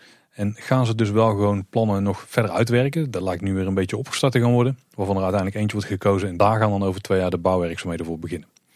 Als het allemaal uh, gaat lukken Tim. Want hoe verhoudt zich het nou tot de natuurvergunning met die max 5 miljoen bezoeken? Want er zitten met 5,43 miljoen toch ruim overheen. Ja, ik moet zeggen dat ik vanochtend ook wel een klein beetje schrok toen ik het uh, krantenartikel voorbij zag komen. En ook het blogartikel met uh, Efteling is blij met 5,43 miljoen bezoekers in 2022. Want toen dacht ik, oh nee, het zal toch niet dat ze hiermee uh, hun eigen graf graven. Uh, want ja, inderdaad, vanuit de huidige natuurvergunning die je nodig hebt als je in de invloedssfeer van een Natura 2000 gebied stikstof uitstoot. Wat de Efteling natuurlijk doet naast de Loons Duinen. Dan heb je zo'n natuurvergunning nodig. die heeft de Efteling eentje, wel een vrij oude. En daardoor mogen ze maar maximaal 5 miljoen bezoekers ontvangen. Uh, daar is natuurlijk de afgelopen tijd heel veel gedoe over geweest. De Efteling heeft dat uh, volgens mij in 2017, 18 en 19 overschreden. Maar is daar nooit uh, door de provincie voor op de vingers getikt, nooit teruggefloten. Een aantal inwoners van de gemeente Loon op Zand hadden daar een rechtszaak over aangespannen. En de rechter heeft de provincie op de vingers getikt dat hij de Efteling wel degelijk daarop had, moeten uit, had moeten aanspreken en had moeten straffen. Nou ja, dat ligt allemaal zeer gevoelig. Hè. Die rechtszaak speelt nog steeds. Ehm, de Efteling heeft een vergunning aangevraagd voor 6 miljoen bezoekers. Maar ook daar is nog geen duidelijkheid over. Ja, en midden in die ja, toch denk ik best wel spannende situatie ga je ineens communiceren dat je 5,43 miljoen bezoekers hebt binnengehaald in een jaar. Ik vond het uh, een bijzondere keuze. Maar er is wel op het Efteling blog een uitleg gegeven hiervoor. Uh, ik heb hem even samengevat. Efteling zegt eigenlijk, um, bij het tellen van de bezoekersaantallen voor de wet natuurbescherming wordt door de provincie anders geteld, omdat ze uitgaan van verkeersbewegingen. Bijvoorbeeld, een gast die meerdere dagen in een van onze vakantieparken verblijft, wordt één keer meegeteld vanwege die ene verkeersbeweging. Maar voor de Efteling telt wel uh, eigenlijk iedere keer dat die verblijfsgast het park bezoekt. En nou is het gekke dat er verder uh, op de Efteling blog geen uh, getallen aan werden gekoppeld. Wel in het Brabants Dagblad, want daar gaven ze aan dat als je die herhaalbezoekjes van uh, uh, mensen die op de accommodaties zitten, als je die er aftrekt, dan kom je aan 4,73 miljoen bezoekers. Dus dat zijn er iets van 700.000 minder dan het, het, uh, het aantal wat ze, wat ze groots hebben gecommuniceerd. dat zijn dus al die herhaalbezoekjes van bezoekers die al op de accommodaties zitten. Wel een ingewikkeld verhaal, want het Brabants Dagblad gooide bezoekers en bezoeken al mooi door elkaar in het artikel. Ja, maar op zich is dat hier irrelevant. Hè? Het is gewoon dat ze de bezoekers uh, aan het vakantiepark en het hotel anders rekenen dan bezoekers die door de poort heen lopen. Ik heb hier trouwens wel wat vraagtekens bij, want volgens mij dacht de rechter die uh, de zaak behandeld heeft, dacht daar toch anders over. Die had zoiets van ja, de provincie mag niet ineens zomaar bepalen dat ze bezoekers op een andere manier gaan uh, tellen binnen een al bestaande vergunning. En volgens mij is daar nog geen uitspraak over, over geweest. Volgens mij kreeg de provincie de opdracht om te komen met een, met een uitwerking van die telmethode, maar ik heb nog niet vernomen dat dat ook zou zijn goedgekeurd. Dus misschien loopt de Efteling daar iets of wat op de muziek vooruit. Maar ja, op zich een plausibele uitleg, maar wel een heel gevaarlijk speelveld. Ja, Fons heeft het verder wel over andere maatregelen die ze eventueel nog kunnen treffen. En daar komt weer de elektrisch zelfbesturende panelbus uh, terug die tussen Tilburg Noord en de Efteling zou moeten gaan rijden. Toch actueel dus. En ook zouden ze de fietsroute richting het park willen opleuken, zodat meer mensen met de fiets gaan komen. Weet je wat leuk zou zijn? Zeven mijl slagen ze er langs. Wat een geniaal idee, Tim. Ja. En origineel ook. En ze zijn nog een manier aan het zoeken om eh, mensen toch op te warmen in de winter, maar dan zonder houten kampvuren. Daar ben ik dan toch wel heel benieuwd naar wat dat dan zou kunnen zijn. Maar ze zijn creatief bij de Efteling en eh, er zijn altijd eh, ontwikkelingen natuurlijk die ze misschien kunnen gebruiken om daar iets mee te doen. Wat ik nog wel interessant vind is bijvoorbeeld met die zelf, met, nou ja, laat hem zelf besturen zijn of niet, met elektrische bussen. Stel, al het, bus, eh, al het streekvervoer hier in de omgeving wordt elektrisch. Ga- Gaan ze dan ook nog iets mee doen met die bezoeksaantallen? Want dan heb je geen uitstoot van die bussen, in ieder geval niet op deze plek. Nou ja, ook dan zal die vergunning aangepast moeten worden. Want die vergunning, dat is een beetje het probleem. De vergunning waar ze nou nog onder vallen, die zegt niks over de manier waarop die bezoekers die de Efteling krijgt naar het park komen. Ja, er is toch een beetje meegenomen dat een deel komt met de auto, een deel komt met de bussen. Die bussen rijden op diesel. Die auto's eh, zijn voor, eh, weet ik veel, 95% niet elektrisch. Het zal wel meer zijn. En daar is dan die 5 miljoen op gebaseerd. Maar als, dus, als die variabelen veranderen, dan zou je dus ook die berekening moeten kunnen veranderen. Ja, maar volgens mij is het wel zo dat je niet zomaar voorwaarden en variabelen uit de vergunning eh, die alles verleent en mag gaan eh, lopen aanpassen. Volgens mij moet je dan wel een nieuwe vergunning aanvragen. De realiteit verandert wel, dus dan zou dat wel makkelijk moeten zijn dan toch? Ja. Nou, Fons die is wel eh, eerlijk, het is eh, nog allemaal heel onzeker. Hij zegt het is ook heel erg ingewikkeld allemaal. We weten niet hoe het gaat lopen. Niets is helemaal al zeker. We gaan er nu vanuit dat als we twee goede jaren hebben, door kunnen met die grote uitbreiding. Maar als het nog tien jaar op zich laat wachten door moeilijkheden met vergunningen aanvragen of andere zaken, ja, dan moeten we andere keuzes gaan maken. Net zoals we in coronatijd deden, want we gaan niet tien jaar stilstaan. Dat nooit. Kijk, Fons is daar heel stellig in, maar tegelijkertijd ook wel eh, heel eerlijk dat het eh, ja, op dit moment allemaal heel complex in elkaar zit. Ik heb wel het idee dat, Lon- dat Fons er voor de lange tijd in zit hoor. Als ik dit soort eh, taal hoor, denk ik niet dat hij over twee jaar afscheid neemt als algemeen directeur. Nee, en Fons is ook wat milder geworden. Ik vond het een interessant interview waar we echt opvallend veel details hebben geleerd over, eh, in ieder geval hoe Fons denkt over de huidige situatie. Ja, heel openhartig ook. Ja. Tof. In ieder geval, eh, Fons geeft vaker dit soort interviews. Of schuif een keer bij ons aan, dan mag je ook eh, dit soort dingen allemaal komen vertellen. Vinden wij helemaal niet erg. Nee. We moeten alleen niet er eh, gek staan te kijken als we een beetje doorvragen.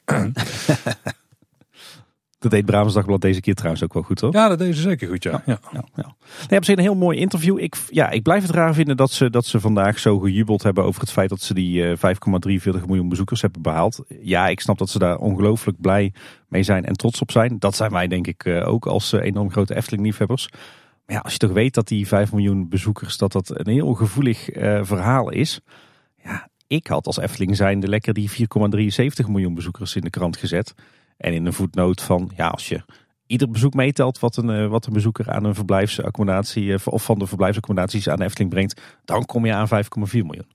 Dus ik, ja, ik eh, ja, vond het een bijzondere keuze. Is vooral het persbericht wat ze er zelf uit hebben gestuurd. Dat wordt die 4,73 dus nergens genoemd. Hè? Nee. Daar gaat alleen maar om die 5,43 met een hoop feeststemming erbij en uitleg waarom het allemaal zo cool is in de Efteling en zo. De, ja, ik had die nadruk toch echt wel op die 4,73 gelegd. Maar wel als tweede getal, denk ik. Gewoon even, eh, eigenlijk wat ze nu hebben gedaan, maar doe het wel een consistent in al je uitingen. Eh, want die 5,43, dat maakt het echt een record. Want dan zeg je het is 4,73 en dat is een record. Ja, maar dat snapt niemand er wel, want dan checken ze wel artikelen uit het verleden. Dan was het een, wel een, vrij sluitend verhaal geweest. Maar Tim, had Fons het wel zo eh, uitgebreid moeten hebben over die eh, aankomende ontwikkelingen en die uitbreiding buiten de parkgrenzen. Ja, dat is momenteel heel lastig. Dat was het al vanwege die natuurvergunning, maar het, wordt alleen maar nog lastiger. Want eh, vorige week heeft de provincie Noord-Brabant een eh, toch wel een heftig besluit eh, genomen. Want zij hebben Brabant grotendeels op slot gezet om de natuur te redden. Zoals dan heel kort samengevat wordt verwoord door de krant. Eh, wat is er aan de hand? Eh, er is recent onderzoek geweest naar de staat van de Natura 2000 gebieden in de provincie Noord-Brabant. En ja, uit die onderzoeken blijkt eh, jammer genoeg dat de, staat van de, van de Brabantse natuur nog verder achteruit gehold is de afgelopen jaren. En dat we ja, eigenlijk nergens echt voldoen aan de Europese richtlijnen, in de verste verte niet. Ehm, ja, en daardoor heeft de provincie nu drastisch ingegrepen. En wat blijkt nu, of wat hebben ze nu eigenlijk besloten? Er worden voorlopig geen vergunningen verleend voor activiteiten die leiden tot een stikstoftoename op Natura 2000 gebieden. En dat eh, gaat dus om die natuurvergunningen. En dat is nogal wat. Want ja, wat, wat we al eerder zeiden, de Efteling heeft dus een, eh, een vergunning nodig, een natuurvergunning, om het park te mogen uitbaten zo dichtbij een, eh, een beschermd natuurgebied. Er is dus discussie over die maximaal 5 miljoen en hoe dat te tellen. Eh, maar er ligt ook nog een nieuwe vergunningsaanvraag van de Efteling om door te kunnen groeien naar 6 miljoen bezoeken of bezoekers. Eh, dat is ook natuurlijk nog een klein vraagtekentje. Maar ja, eh, als ik dit zo lees, dan is de kans wel heel klein dat de Efteling de komende tijd die, die nieuwe vergunning krijgt. Hebben we iets van een nieuwe kaartje van gezien? Want een hele tijd geleden toen was er een artikel uitgekomen met onderzoek dat, op, dat het in sommige gebieden slechter aan toe ging dan ze hadden verwacht. Maar daarbij was het opvallend dat juist de Drunense Duinen een van die plekken was waarbij het ja, zo was als ze hadden verwacht. Het was in ieder geval niet een van de plekken waar het erger bleek. Er zijn wel andere plekken in Brabant hoor. Was het dan dat onderzoek waar dit op gebaseerd was? Nee, dit is nieuw onderzoek. Nieuw onderzoek. Wat, Ja. oké. Ja, ja, en het gaat echt om, om eigenlijk alle activiteiten die je onderneemt eh, binnen 25 kilometer van die gebieden. Dus ja, de Efteling ligt, eh, ligt ruimschoots binnen die, die invloedssfeer van de Loonse en Drunense Duinen. Ja, en dat betekent nogal wat. Want ja, ik denk echt dat de kans dat de Efteling een nieuwe natuurvergunning krijgt eh, met eh, in de huidige situatie eh, ja, verwaarloosbaar is. Dat gaat echt niet gebeuren. Nou, nou, er lijkt dus nog wel wat rek op te zitten. Maar hm. oké. En dan is de vraag hoe lang kunnen ze verder met die vergunning voor 5 miljoen? En met welke telwijze? Ja, mogen ze inderdaad verblijfsgasten anders gaan meetellen? Dan denk ik dat je als Efteling voorlopig dan maar vooral moet gaan inzetten op het stimuleren van verblijf. Ja, ze zijn een nieuwe hotel aan het. Dat zal eh, daarbij wel gaan helpen. En als er activiteiten gaan plaatsvinden met uitbreiding en zo over twee tot vier jaar, dan zal er mogelijk ook wel weer wat verblijfimpuls bij komen.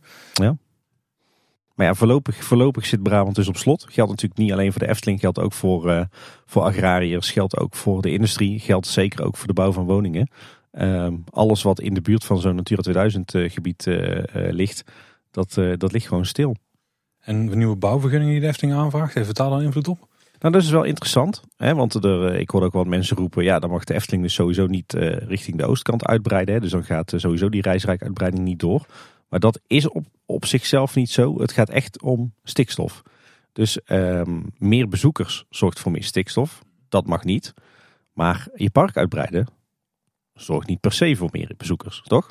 Ja, dat is wel een logisch gevolg, maar je hebt wel middelen waarmee je kunt onderdrukken dat er meer bezoekers komen. Ja, nou ja, in ieder geval, hè, zo- zolang je, hè, als je het park uitbreidt en nieuwe attracties bouwt, maar je blijft onder die 5 miljoen, dan doe je niks verkeerd. Het enige wat dan nog een issue is, is de extra stikstofuitstoot die je hebt tijdens het bouwen van dat themagebied. Nou ja, dat is nog best wel een dingetje, want ja, nog lang niet al het bouwmateriaal is elektrisch. Maar goed, de rechter heeft wel bepaald dat je nog steeds intern mag salderen. Dus dat mag, betekent dat je binnen je bedrijf het een met het ander mag wegstrepen. Dus stel je zegt bijvoorbeeld in, het, in de twee jaar dat wij eh, eh, strookrijk bouwen, laten we die twee jaar niet de stoomtrein rijden. Dan is dat misschien een oplossing. Zo, oké. Je mag alleen niet meer zeggen, ik koop drie boerderijen in de omgeving uit en, eh, en da- daarmee compenseer ik mijn extra stikstofuitstoot. Dat heeft de rechter nu verboden. Maar ja, dit is eh, allemaal dus eh, erg complex en ligt denk ik ook bij de Efteling wel onder een vergrootglas. Maar de- zo'n warmte koudopslagsysteem is misschien ook wel een mooi voorbeeld ervan, toch? Want dat zorgt voor minder gasverbranding binnen het park. Zeker. En daar gaat dus ook wat stikstof schelen. Vrij veel zelfs, mogelijk. Ja, ja, ja. Oké. Dus eh, allemaal heel ingewikkelde materie. Ja, en ik denk dat dit zeker niet de laatste keer is dat we het erover gaan hebben. Als ik de Efteling was, dan eh, zou ik toch eh, heel hard werken aan een eh, alternatieve groeistrategie waarbij je eh, ja, die 5 miljoen gewoon als eh, harde grens hebt. Hey Tim, maar we hebben het nu al een aantal keer gehad over die werkzaamheden aan de oostkant. eh, die daar ooit eh, moeten gaan plaatsvinden. Maar eh zal ik jou zo verklappen? Nou, doe eens. Die vinden nu al plaats. Hè? Ja, zeker. Er zijn werkzaamheden op Strookrijk, as we speak. En het verplaatsen van de hek waar we het ooit over hebben gehad. Dat lijkt dan nog niet te gaan gebeuren. Maar ze lijken wel het nieuwe hek te gaan zetten al. Want vanaf 8 maart vinden de werkzaamheden plaats tussen de Horst en het Eftelingpark. Er wordt een strook aangelegd van 10 meter breed langs de verlegde Horst. Er worden bomen gerooid om ruimte te maken voor een nieuw hekwerk. Ja, ja. Een, een greppel, die hebben we ook ingetekend gezien al ooit. hè. En een ondergronds kabeltracé. Dit zijn gewoon de echte eerste voorbereidingen voor Strookrijk, Tim. Dit is het, eh, het bouwrijp maken van Strookrijk, ja. In ieder geval van de buitenrand. Dus het hek komt er al. Ik denk niet dat ze het hek langs het park, wat er op dit moment staat, al gaan weghalen. Nee. Misschien dat er wel een poort of zo ergens komt, dat je er wel makkelijk kunt komen vanuit het park. Nou, misschien ook trouwens niet. Ik denk, nee, dat gaan ze ook nog niet doen, gok ik. Maar het, het- ze gaan het wel al afhekken, volledig. Ja, en niet, niet alleen dat, want dat kunnen ze natuurlijk ook wel met een bouwhekje of zo. Maar ze gaan dus ook al gewoon de, de slootjes rondomheen graven en alle kabels en leidingen in de grond stoppen. Ja, en hier zou ook dus voor een groot deel een grondwal komen nog. Die 10 meter gaan ze nu vrijmaken. Dus ik vermoed dat we die ook wel gaan zien verschijnen Ja. ergens in het komende jaar. Het is wel zo dat voor een deel van die gerooide bomen later eh, nieuwe bomen worden teruggeplaatst. En er gaat ook ecologische compensatie plaatsvinden. En die ligt uh, vast in het bestemmingsplan. Ja, dat is gewoon dat geld wat de Efteling geeft aan, dat, uh, aan die fauna-tunnel bij Tilburg-Noord. Ja, dat de Pauwels... Uh, ja. Hoe heet het ook weer? Landschapspark Pauwels. Zo, schitterende naam. Wordt trouwens inmiddels ook volop aangewerkt bij de, de waterzuivering van Tilburg. Ja, en vooral ketzeuvelnaren die dan toch de verlegde horst moeten nemen. Wat eigenlijk ook wel stiekem best veel mensen zijn die naar Bosrijk en het Loonse Land moeten. Aan eh, beide zijden van de verlegde horst wordt de weg verbreed. Daar komen van die grasbetontegels in. Dan maakt het eh, net wat comfortabeler om mensen in te halen daar. Of tenminste om tegemoetkomers om die de ruimte te bieden. Want uh, dat was nog wel een dingetje daar. Je zat er af en toe in de berm te koekeloeren. Ja, we hebben ook wel eens geroepen dat die weg eigenlijk, eigenlijk te smal is hè? Uh, ja. is overigens niet de enige plek in de wereld van de Efteling waar bomen gerooid worden. Dat gebeurt namelijk ook bij de parkeerplaats van Bosrijk. Want het parkeerterrein dat gaat uitgebreid worden. En dat heeft een goede reden, want momenteel is zo dat uh, verblijfsgasten van Bosrijk op de laatste dag van hun verblijf de auto op het hoofdparkeerterrein van de Efteling moeten plaatsen, dus van het park. Want dan is er niet voldoende capaciteit om uh, en de mensen die de laatste dagen nog zitten, daar een auto neer te laten zetten en de mensen die op dat moment aankomen. Met die nieuwe uitbreiding zou er dan wel voldoende capaciteit zijn op het parkeerterrein van Bosrijk zelf. Ook een hoop minder verkeersbewegingen. En dat is weer gunstig voor de stikstofuitstoot. Zeker. Ik uh, ga hier wel even kijken, want ik ben wel heel benieuwd waar ze die uitbreiding laten plaatsvinden. En uh, uh, welke bomen eraan gaan. Want het lijkt bijna wel alsof hier toch weer een stukje van het Duits bosje gaat sneuvelen. Nee, als ik het goed heb begrepen is het aan de andere kant. Oké. Volgens mij ging het daar gebeuren, dus in de zonnepanelen zeg maar. Ah, daar zo ja. Oké. Ja, Tim, na dit zeer uitgebreide setje aan hoofdonderwerpen is het toch eindelijk tijd om ook eens naar het onderhoud te gaan kijken. Want waar we de vorige nieuwsaflevering bijna alleen maar onderhoudsprojecten hebben kunnen bespreken, of hebben besproken, was het dit keer vooral echt heel veel nieuws. Maar er gebeurt nog steeds wel een open onderhoud, toch? Ik uh, zit al een tijdje te trappelen van ongeduld. Ja, ik weet dat er in het Marenrijk blokje daken heel wat langskomt. ja, inderdaad. Ja, laten we dan beginnen met wat algemene puntjes. Uh, wat opvalt is dat er op een aantal plekken in het park momenteel gewerkt wordt aan het uh, straatwerk. Uh, zo wordt er nog bij Joris en de Draak rond Draak Etna uh, gewerkt aan de grote natuursteentegels. Die worden wat vlakker gelegd. Uh, maar ook de tunnel van de Vliegende Hollander, hè, waar je onderdoor vaart met je bootje. Waar je het gebouw weer invaart als je van de vijver komt met je bootje. Die bestrating is een tijd terug weer helemaal netjes strak gelegd. En het terras van de oase, het horecapunt bij de Morgana, wordt zelfs volledig opnieuw bestraat. de lagen van die saaie grote betontegels. En daar komen nu hele mooie thematische natuursteentegeltjes. Echt heel fraai. En ook een algemeen puntje. Uh, op een heel aantal plekken in het park zijn natuurlijk uh, rokersplekken. En uh, die worden momenteel allemaal voorzien van lantaarnpalen. Zodat je daar ook in het donker je sigaretje kan roken. En het leuke is dat er op iedere plek weer een ander soort lantaarnpaal staat. Allemaal mooi in thema van het betreffende themagebied of, of rijk. Dus heel bijzonder dat ze zelfs daarnaar kijken op dit moment. Dan door naar het fantasierijk. Polles keuken is gesloten. Geen pannenkoek voor ons, Paul. Bah. Hoe is het eigenlijk met de, de schrobbeler pannenkoek? Die gaat uit het assortiment, ben ik bang. Hè? Ik eh, weet het niet. Tot, uh, tot voor kort was hij nog gewoon verkrijgbaar. We krijgen daar iedere dag wel uh, iemand ja. van op social media die laat zien dat hij zo'n uh, zo'n pannenkoek heeft. Maar terug naar Polles Keuken, gesloten van 6 tot met 24 maart. Het hele gebouw staat op dit moment in de bouwhekken. Zelfs de drie losse verkooppuntjes aan de buitenkant. en niet voor niks, want het wordt grondig aangepakt. Uh, zo staat uh, de schoorsteen aan de voorkant nu in de stijgers. Die krijgt een opknapbeurt. Ook geen overbodige luxe, want uh, die zat onder de alg en, en, en het stukwerk begon ook al flink te scheuren en zo. Maar binnen gebeurt er ook een hoop. Er komt naar verluid een nieuwe bar. De leren bekleding van de zitbanken in het restaurant wordt vervangen. En er worden ook wat technische installaties vernieuwd. Zo wordt alle verlichting vervangen door LED. Maar ook de schatkist aan de Producepromenade staat in de hekken. En Symbolica is nog enkele dagen dicht. Uh, en volgens mij worden er wel wat restpuntjes aangepakt van het, uh, het groot onderhoud van een aantal maanden geleden. Uh, zo wordt er gewerkt aan de tegelvloer van de voorshow. En de bloemen die aan de takken hangen op het bordes, zeg maar het punt waar je de voorshow binnenloopt. dat zijn kunstbloemen, die worden op dit moment vervangen. En dat is me goed ook, want die waren behoorlijk verlept. Dan door naar het andere rijk. daar zijn bij vrouw Bottes Kuge alle borden teruggekomen op het dak. Die staan weer strak in de lak. En er wordt nog steeds gegraven in de, de Steenboklaan. Maar dit keer eigenlijk het, het stukje vanaf Vrouw Bolterskuge langs de Fata richting eh, de Karpervijver. Daar worden allerhande nieuwe kabels aangebracht. Dus blijkbaar zijn ze daar nog eh, aan de slag met de ondergrondse infra of met dat, dat warmte-koude systeem. Is overigens best een puzzel, want volgens mij zaten laatst een hoop bezoekers bij de Fata opgesloten. Die konden geen kant meer op, omdat er echt overal hekken stonden en bouwwerkzaamheden waren. Dus dat was niet echt op elkaar afgestemd. Uh, verder wordt er uh, gesloopt in de toiletgroep van Fata Morgana. We hebben nog niet echt een idee wat daar gaat gebeuren. Maar mogelijk wordt daar een, een doorbraak gemaakt naar de toiletten van het, het evenementencomplex wat ernaast ligt. Waardoor je nou, wat meer toiletcapaciteit hebt. En de Piranha die gaat op 10 maart weer open. Momenteel wordt daar, staat er weer water in de baan en wordt er volop getest. Maar een belangrijke onderhoudsklus die daar is afgerond vlak voordat er weer water in de baan ging, is het, compleet vernieuwen van de constructie van de lift, waarmee de bootjes aan het eind van de baan het station in worden getild. die hele constructie en de techniek die is nieuw. ze hebben wel weer de oude houten plankjes erop op aangebracht van de oude lift. En als we dan naar Ruigrijk gaan, dan vinden we daar de Vliegende Hollander, die natuurlijk in onderhoud is. Nou is het Duinhuis helemaal opnieuw geschilderd. Dus dat is het huisje waar je naar de, de Horseshoe eigenlijk in terecht komt en waar je wordt afgeremd voordat je de drop maakt richting het water. En het onderhoud is in het algemeen ook gereed trouwens. En we kregen via het burenbericht te horen dat, en let op, in de periode van 13 maart tot en met 31 maart de attractie dagelijks gedraaid gaat worden tussen, komt die, half acht ochtends en uiterlijk 11 uur s avonds zonder passagiers. Nou, dat is wel echt een hele lange testperiode. Zo ja. Maar zoveel draaiuren moet je meestal maken na een nieuwe keuring of voor een nieuwe keuring. Zou je dan zulke aanpassingen zijn geweest dat dit nodig is? Ja, het lijkt me niet dat, uh, dat de aanpassing aan de encounter scène met die, uh, met die scheepswrakken en boegbeelden, dat dat de oorzaak is van een uh, nieuwe certificering. Misschien is dat toch meer ingrijpend werk geweest dan wij weten. Ja, misschien aan de techniek inderdaad. Ja. Hm. En ieder geval opvallend is dat er een nieuw attractiebord voor de halve maan is geplaatst. En daar is het vrij onduidelijk op aangegeven dat de rit drie minuten duurt. Maar er is geen real-time wachttijdinformatie. Alleen die melding dat de rit drie minuten duurt. Een beetje vergelijkbaar met het, het nieuwe attractiebord van Villa Volta. Ja, inderdaad. Ja. Dan door naar het, eh, het reisrijk. Uh, bij Vogelrok een kleine toffe aanpassing. Je hebt daar van die klappoortjes op het, eh, het uitstapperron. waardoor dat je niet, niet vanaf de uitgang het perron op kan rennen. Die zijn vernieuwd. En die poortjes die zijn helemaal in Vogelrok thema. Echt heel fraai gedaan. Dan iets geks bij Sirocco.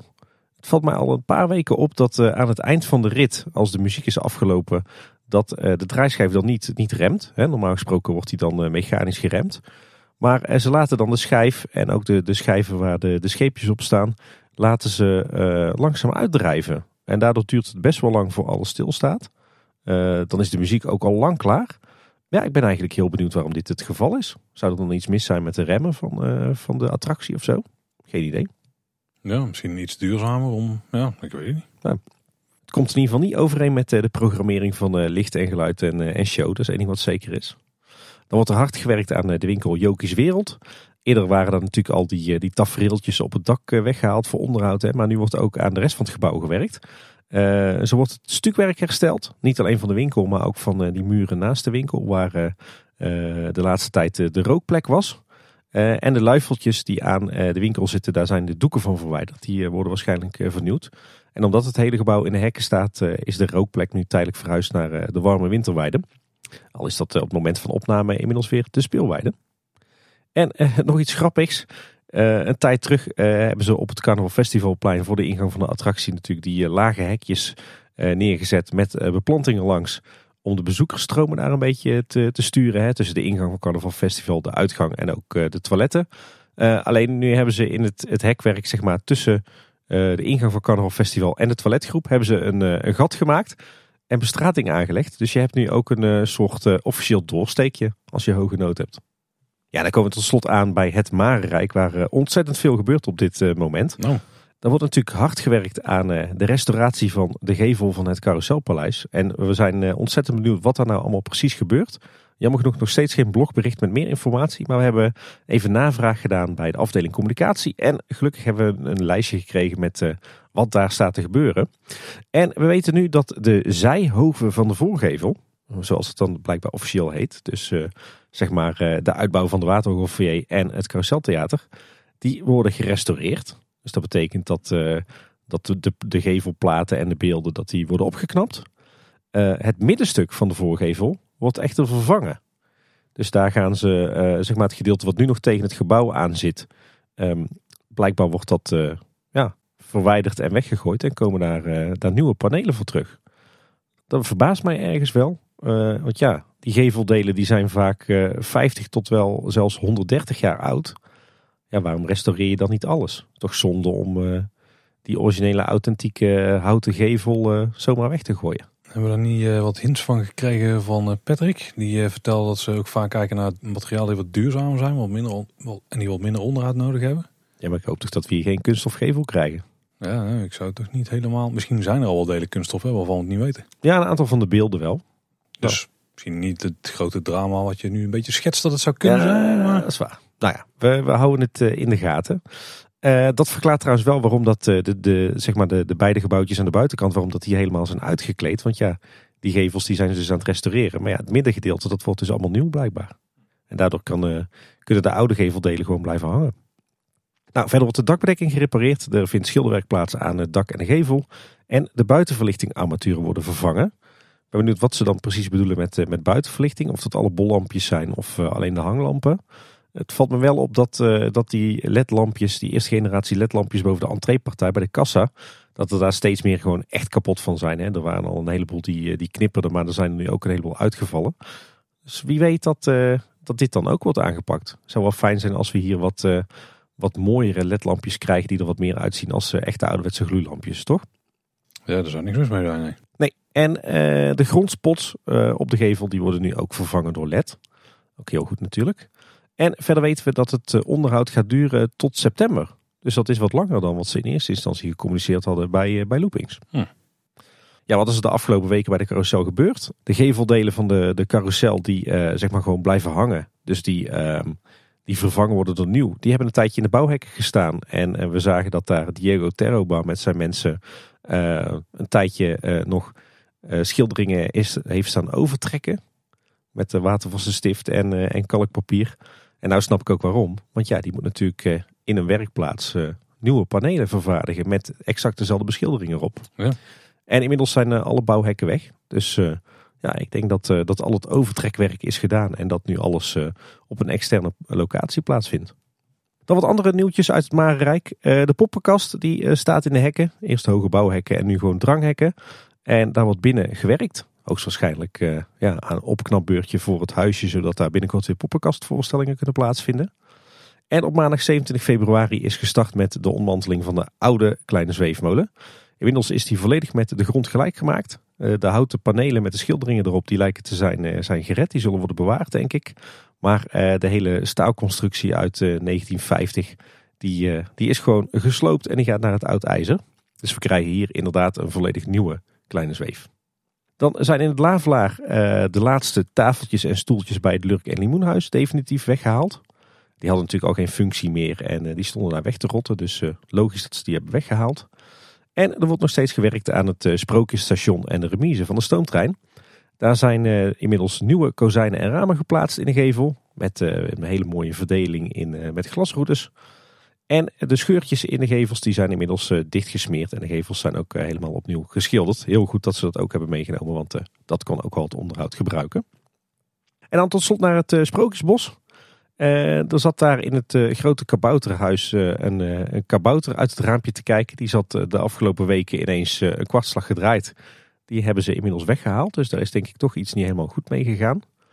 En de geoefende kleine boodschapluisteraar die kan zich misschien ook nog wel herinneren dat ik een paar keer heb aangehaald dat er een, eh, een houten lichtmast stond bij de Zeemermin. Die eh, Ja.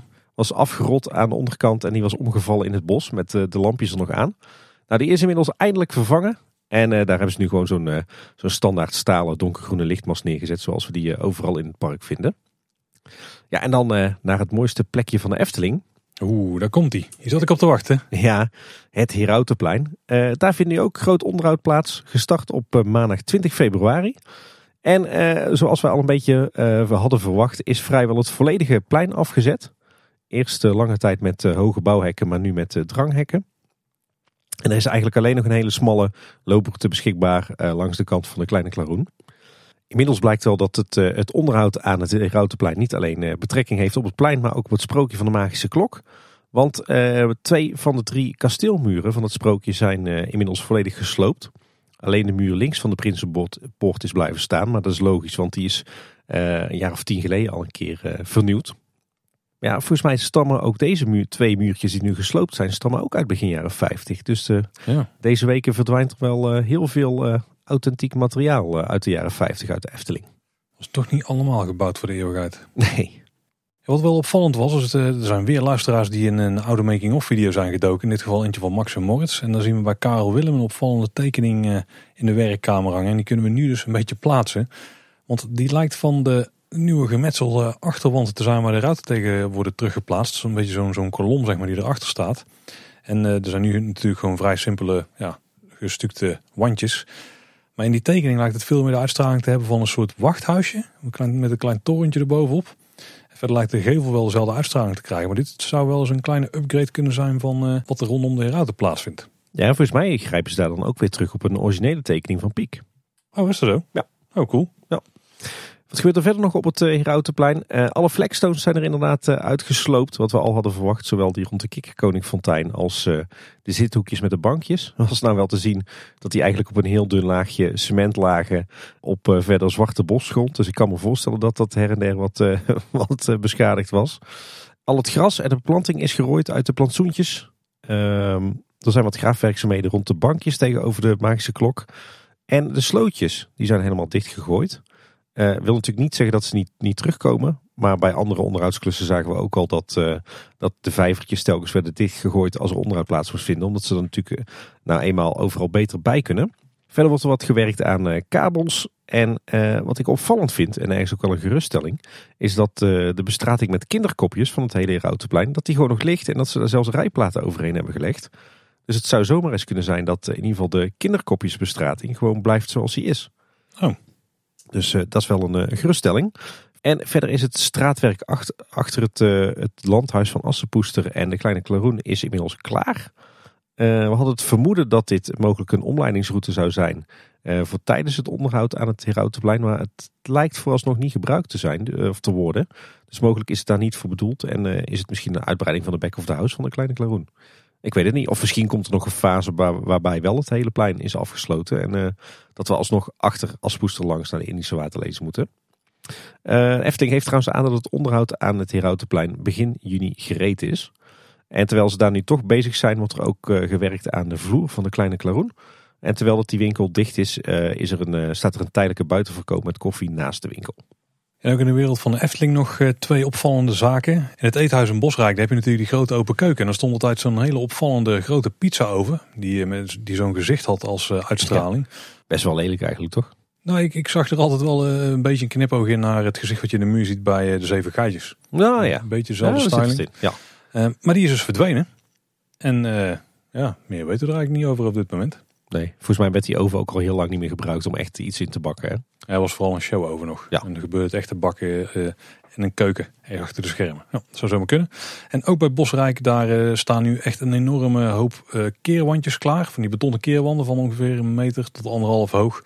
Um, en die zijn dus om bij de tolutie die we in Bosrijk vinden, dus de, de zandheuvels hè, voor de minder ingewijde Tim, om daar de boomstammen die er tegenaan liggen te vervangen. Zodat zand uiteindelijk niet alsnog die boomstammen wegduwt, maar gewoon tegen die keerwandjes aan blijft liggen. Een project waar ze al jaren geleden mee gestart zijn, maar nu weer mee verder gaan. Ja, gelukkig kleden ze die keerwandjes vervolgens wel weer aan met boomstammetjes. Dus uh, ziet het er alsnog bosachtig uit. Dus goed. Tim, dan door naar het kort nieuws.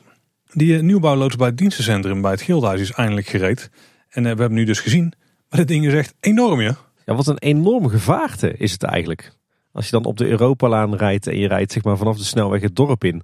Dan heb je dat uh, prachtige aangeklede gildenhuis. En er staat nou echt zo'n lompe groene Romney-loods naast. We, we dachten dat het misschien voor opslag was en zo. Maar het zou best wel eens kunnen dat dit gewoon een extra werkruimte is. Want het ding is groot genoeg om bijvoorbeeld een paar achtbaantreinen in kwijt te kunnen. Ja. Uh, want toen wij ook in het Gildenhuis waren, toen stonden die achtbaantreinen midden in het Gildenhuis. Gewoon midden in de, nou, de hoofdgang zeg maar die daar zit. Wat best wel wel ruimte in beslag neemt. En uh, als ze dat soort werkzaamheden dus in die loods kunnen doen, dan hebben ze natuurlijk veel meer werkruimte daar vrij in die loods zelf. Ja, ja dat, je zou het ook kunnen gebruiken voor de afdeling vormgeving, hè, voor ja. het, uh, het modelleren van uh, wat grotere elementen of zo. Dus in ieder geval veel extra ruimte daar voor de technische diensten. Maar wel loemp. Da zeker. Het grondwerk aan de zonneweide lijkt volledig gereed te zijn. Dus de grondwallen die liggen er nou. Volgens mij zijn ze ongeveer op het punt ge gestopt waar wij de vorige keer al over berichten. En het terrein is nu helemaal bouwrijp. Uh, je kunt het mooi checken op een uh, luchtfoto van Nick Ringelberg. Die zullen even linken in de show notes. Nou, bij het project Gasloos daar zijn die beide gebouwen die ze aan het klussen zijn. Dus achter uh, Fata Morgana naast het Efteling Theater, die zijn gereed. Die wanden die lijken op dit moment gewoon onafgewerkt kaal beton te blijven. Maar die zijn wel voorzien van een donkergroen boeibord bovenaf, dus rondom het dak. Nu is het wel zo dat de fundering nog wat uitsteekt aan de onderkant. Daar zouden ze eventueel nog wandjes op kunnen zetten van metselwerk of zo, als ze het nog willen aankleden ooit. maar het is een beetje opvallend dat het gebouw naast het theater ook niet verder aangekleed wordt. En ook daar zit inmiddels een groene boeiwoord aan. Dan zou je natuurlijk denken van als er nog gethematiseerde elementen aankomen, ja, dan zou je het dakrand toch niet eerst afwerken al. Nee. Dus ik vrees ervoor dat daar. Nou, ik, nou, laat zo zeggen, ik hoop dat ze daar gewoon een hoop groen tegenaan gaan zetten en je het niet meer ziet. Maar ik vrees dat we daar eh, toch wel een tijdje een eh, grijze puist gaan hebben naast het theater. Echt verschrikkelijk lelijk. Ik Ja. snap niet eh, dat, ze dit, eh, dat ze dit gemist hebben. En wat de gemoederen ook bezighoudt is de toekomst van het tijdschrift Wonder. Dat is natuurlijk het, eh, het blaadje wat we kregen als abonnementhouders één keer in de, de drie maanden ongeveer. Maar de laatste editie die viel eh, een jaar geleden op de deurmat in maart 2022. Dus het is maar de vraag of dat er dit jaar nog een nieuwe editie komt. Misschien verdwijnt het tijdschrift wel volledig. Daar zijn ze zich nog over aan het beraden. En het is natuurlijk ook zo dat er steeds meer overlap is met wat er op het blog al staat. En eh, nieuws kunnen ze daar veel sneller brengen. En dat bundelen ze dan af en toe wel in een, eh, wat ik dan een beetje zie al als de spiritueel opvolger van de wonder. Namelijk de nieuwsbrief die dan meestal uitkomt. Afgelopen week kregen we er weer een. eh, die op grote nieuwsmomenten ook wordt uitgebracht. En waar ze meteen wat blogberichten in bundelen. Ja. ja, en vaak zie je nadat de wonder is verstuurd ook, ook beetje bij beetje een aantal artikelen uit de wonder ook op de blog komen. Hè? Ja, ja, ja, ja. Ik, ik snap het eigenlijk wel. Ja, ik ook hoor. Op zich heeft het niet super veel meerwaarde meer tegenwoordig. Het is een mooi vormgegeven blad altijd geweest. Maar uit het blog haal je eigenlijk net zoveel interessante informatie. Ja, wie leest er eigenlijk nog een papieren tijdschrift of krant? Ik eh, kijk er naar je, naar je en denk. Hey, de virtuele wachtrij in Carnaval Festival is ook een, eh, nou niet een gebed zonder eind, maar daar zijn ze in ieder geval nog steeds mee bezig. Want die blijft in ieder geval actief tot en met 28 april. Pilot zou eigenlijk tot en met 5 maart duren. Maar er vindt op dit moment onderhoud plaats aan de wachtrij. Nou, dus toch. Ja, en eh, daardoor is een deel van de meandering niet beschikbaar. Daar steken nu de busjes dus uit de grond. En dat betekent dat op drukke dagen dan alsnog de virtuele wachtrij wordt gebruikt. Want ja, anders dan eh, heb je dus een wachtrij die uitpelt over het hele plein. Slim. Er zijn een noodknoppen nu aangebracht op de tourniquets. Waarschijnlijk omdat er in het begin klachten waren van gedrang. En daar kwam wat agressie bij kijken. Toen was het systeem niet makkelijk uit te schakelen. Nu dus waarschijnlijk wel. Eh, er zijn ook extra informatieborden verschenen. Met eh, afwijkende en vooral heel veel informatie. Waarvan het ook nog opvalt dat niet eens echt wordt genoemd voor welke virtuele wachtrij die borden dan zijn. De styling geeft het een beetje weg. Maar Ja. dat het voor Carnival Festival is, daar moet je echt in de kleine lettertjes lezen. Ehm, er wordt nog steeds als tip gegeven trouwens om bij de warme winterweide te gaan kijken. Dus Misschien een beetje ja, achterhaalde informatie. Leuk als je van eh, sloop- en graafwerkzaamheden houdt. En de tijdvakken die verstrijken eh, dus na 15 minuten. Dat is ook een aanpassing die is gedaan. Dus je moet binnen 15 minuten van je tijdvak start moet je er ook zijn. Ja, ik moet zeggen, ik, ik heb er laatst weer gebruik van gemaakt. Eh, in het laatste Winter weekend eh, wilden we natuurlijk ook nog even in Carnaval Festival. En ik moet toegeven, deze keer werkte de, de virtuele wachtrij eigenlijk perfect. Wijn- Bijna geen opstoppingen voor de deur. Wel nog her en der wat plukjes mensen die het eh, dan toch weer niet helemaal snapten. Maar wat ik vooral fijn vond is, wij, wij stonden inderdaad op de warme winterweide bij, bij Zang en Gelukkig. En ik kreeg op een gegeven moment die herinnering van nou, hè, je, je tijdvak is ingegaan, ga naar de wachtrij. En ik meen mij te herinneren dat het voorheen zo was dat je dan maar vijf minuten had. En dat was af en toe best krap. En ik heb zo ook, ook wel een keer mijn tijdvak gemist. Ja, en eh, nu dus 15 minuten de tijd om eh, naar Carnaval Festival te komen. Ja, ik vond dat wel heel relaxed. En het, eh, het werkte prima. Nou, de legende van de familie Vos, Tim, dat blijkt de nieuwe titel te zijn van de nieuwe film over de familie Vos. Die eh, wordt wederom opgenomen in, eh, in de Efteling. Ehm, de expositie is dus nu een legende geworden. Hopelijk krijgt het daarmee ook een beter verhaal. De opnames die zijn de afgelopen week al geweest. Er waren oproepen voor figuranten eh, voor eh, zaterdag 11 maart. Eh, dan moest je in de ochtend in het park zijn, specifiek gericht op scholieren en volwassenen. En we weten ook inmiddels de cast. Daar is onder andere Buddy Verder aan toegevoegd. Dat was de enige naam die ik zo kende. En de film die zou uiteindelijk te zien moeten zijn in 2024 vanaf 31 januari in de bioscopen in Nederland en Vlaanderen. Hopelijk dit keer geen lockdowns die roet in het eten gooien. Nee, en eh, vandaag vonden er ook wat opnames plaats. Ik hoorde wel dat, het, eh, dat eh, mensen die in de buurt van de filmlocaties kwamen, dat die redelijk met harde hand werden weggestuurd. Goede setbeveiliging dus. Ja, maar dat waren geen Eftelingers, dus dat verklaart misschien het een en het ander. En er is een nieuw ritueeltje om het Eftelingpark te openen iedere ochtend. Dat was natuurlijk voorheen bij het Huis van de Vijf Zintuigen, eh, als de poorten nog dicht waren, en een klein momentje dat eh, een kind de sleutel mocht omdraaien om het slot te openen waarna de poorten open gingen. Dat gebeurt eigenlijk nog steeds, maar tegenwoordig wordt dit ge- gedaan onder toezicht oog van Pardoes. En in het weekend ook eh toezicht oog van Pardijn. Want er wordt namelijk een spreuk uitgesproken. En op het moment dat dan de sleutel omgedraaid wordt, roept Pardoes nog Illumina Fantasia. Ja, dat kan, kan met iets meer overtuiging, Paul. Nee, dat kan ik niet. Ik, nee, nee, dat kan ik niet. Valt van je tegen. Want anders komen er ook allemaal tovertwinkels en dan gaat de deur dan open. En dan komt er die koude lucht naar binnen. Ook nog een vreemde aanpassing in het Sprookjesbos, Tim. Want, er is een nieuwe wegwijzer geplaatst. Uitgang Sprookjesbos. Nou, dus dat is op zich niet zo bijzonder. Alleen die staat dus bij het doorsteekpaadje vanaf de Indische Waterlelies, of misschien het Sprookjesbostheater, richting Door een Roosje. Waarbij je de helft van het Sprookjesbos pas hebt gezien.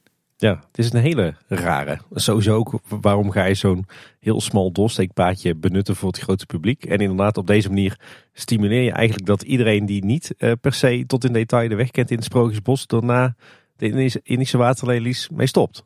En vervolgens met een beetje geluk dan via Doorn Roosje en het Kabouterdorp richting Pardoespromenade gaat. Maar zo was het uh, een stuk rustiger in, het, uh, in de laatste paar lussen van het Sprookjesbos. En dat is zonde, want er is nog enorm veel moois te zien. Dus ik zou zeggen, weg met dat bordje. Er is ook een ander bordje verschenen, Tim, maar in dit geval een krijtbord in Nest. En uh, je kunt daarop krijten met krijtjes die worden uitgedeeld door de nestwakers. Jeugdsentiment, hè, krijt. Ik denk dat de meeste kinderen van nu alleen uh, digiborden kennen. Ja, stoepkrijt. Dat is nog steeds populair. Ja, dat wel. er is ook een nieuwe zomerplattegrond te verkrijgen, dus verzamelaars sla je slag. En dit keer prijkt de Vliegende Hollander op de voorzijde.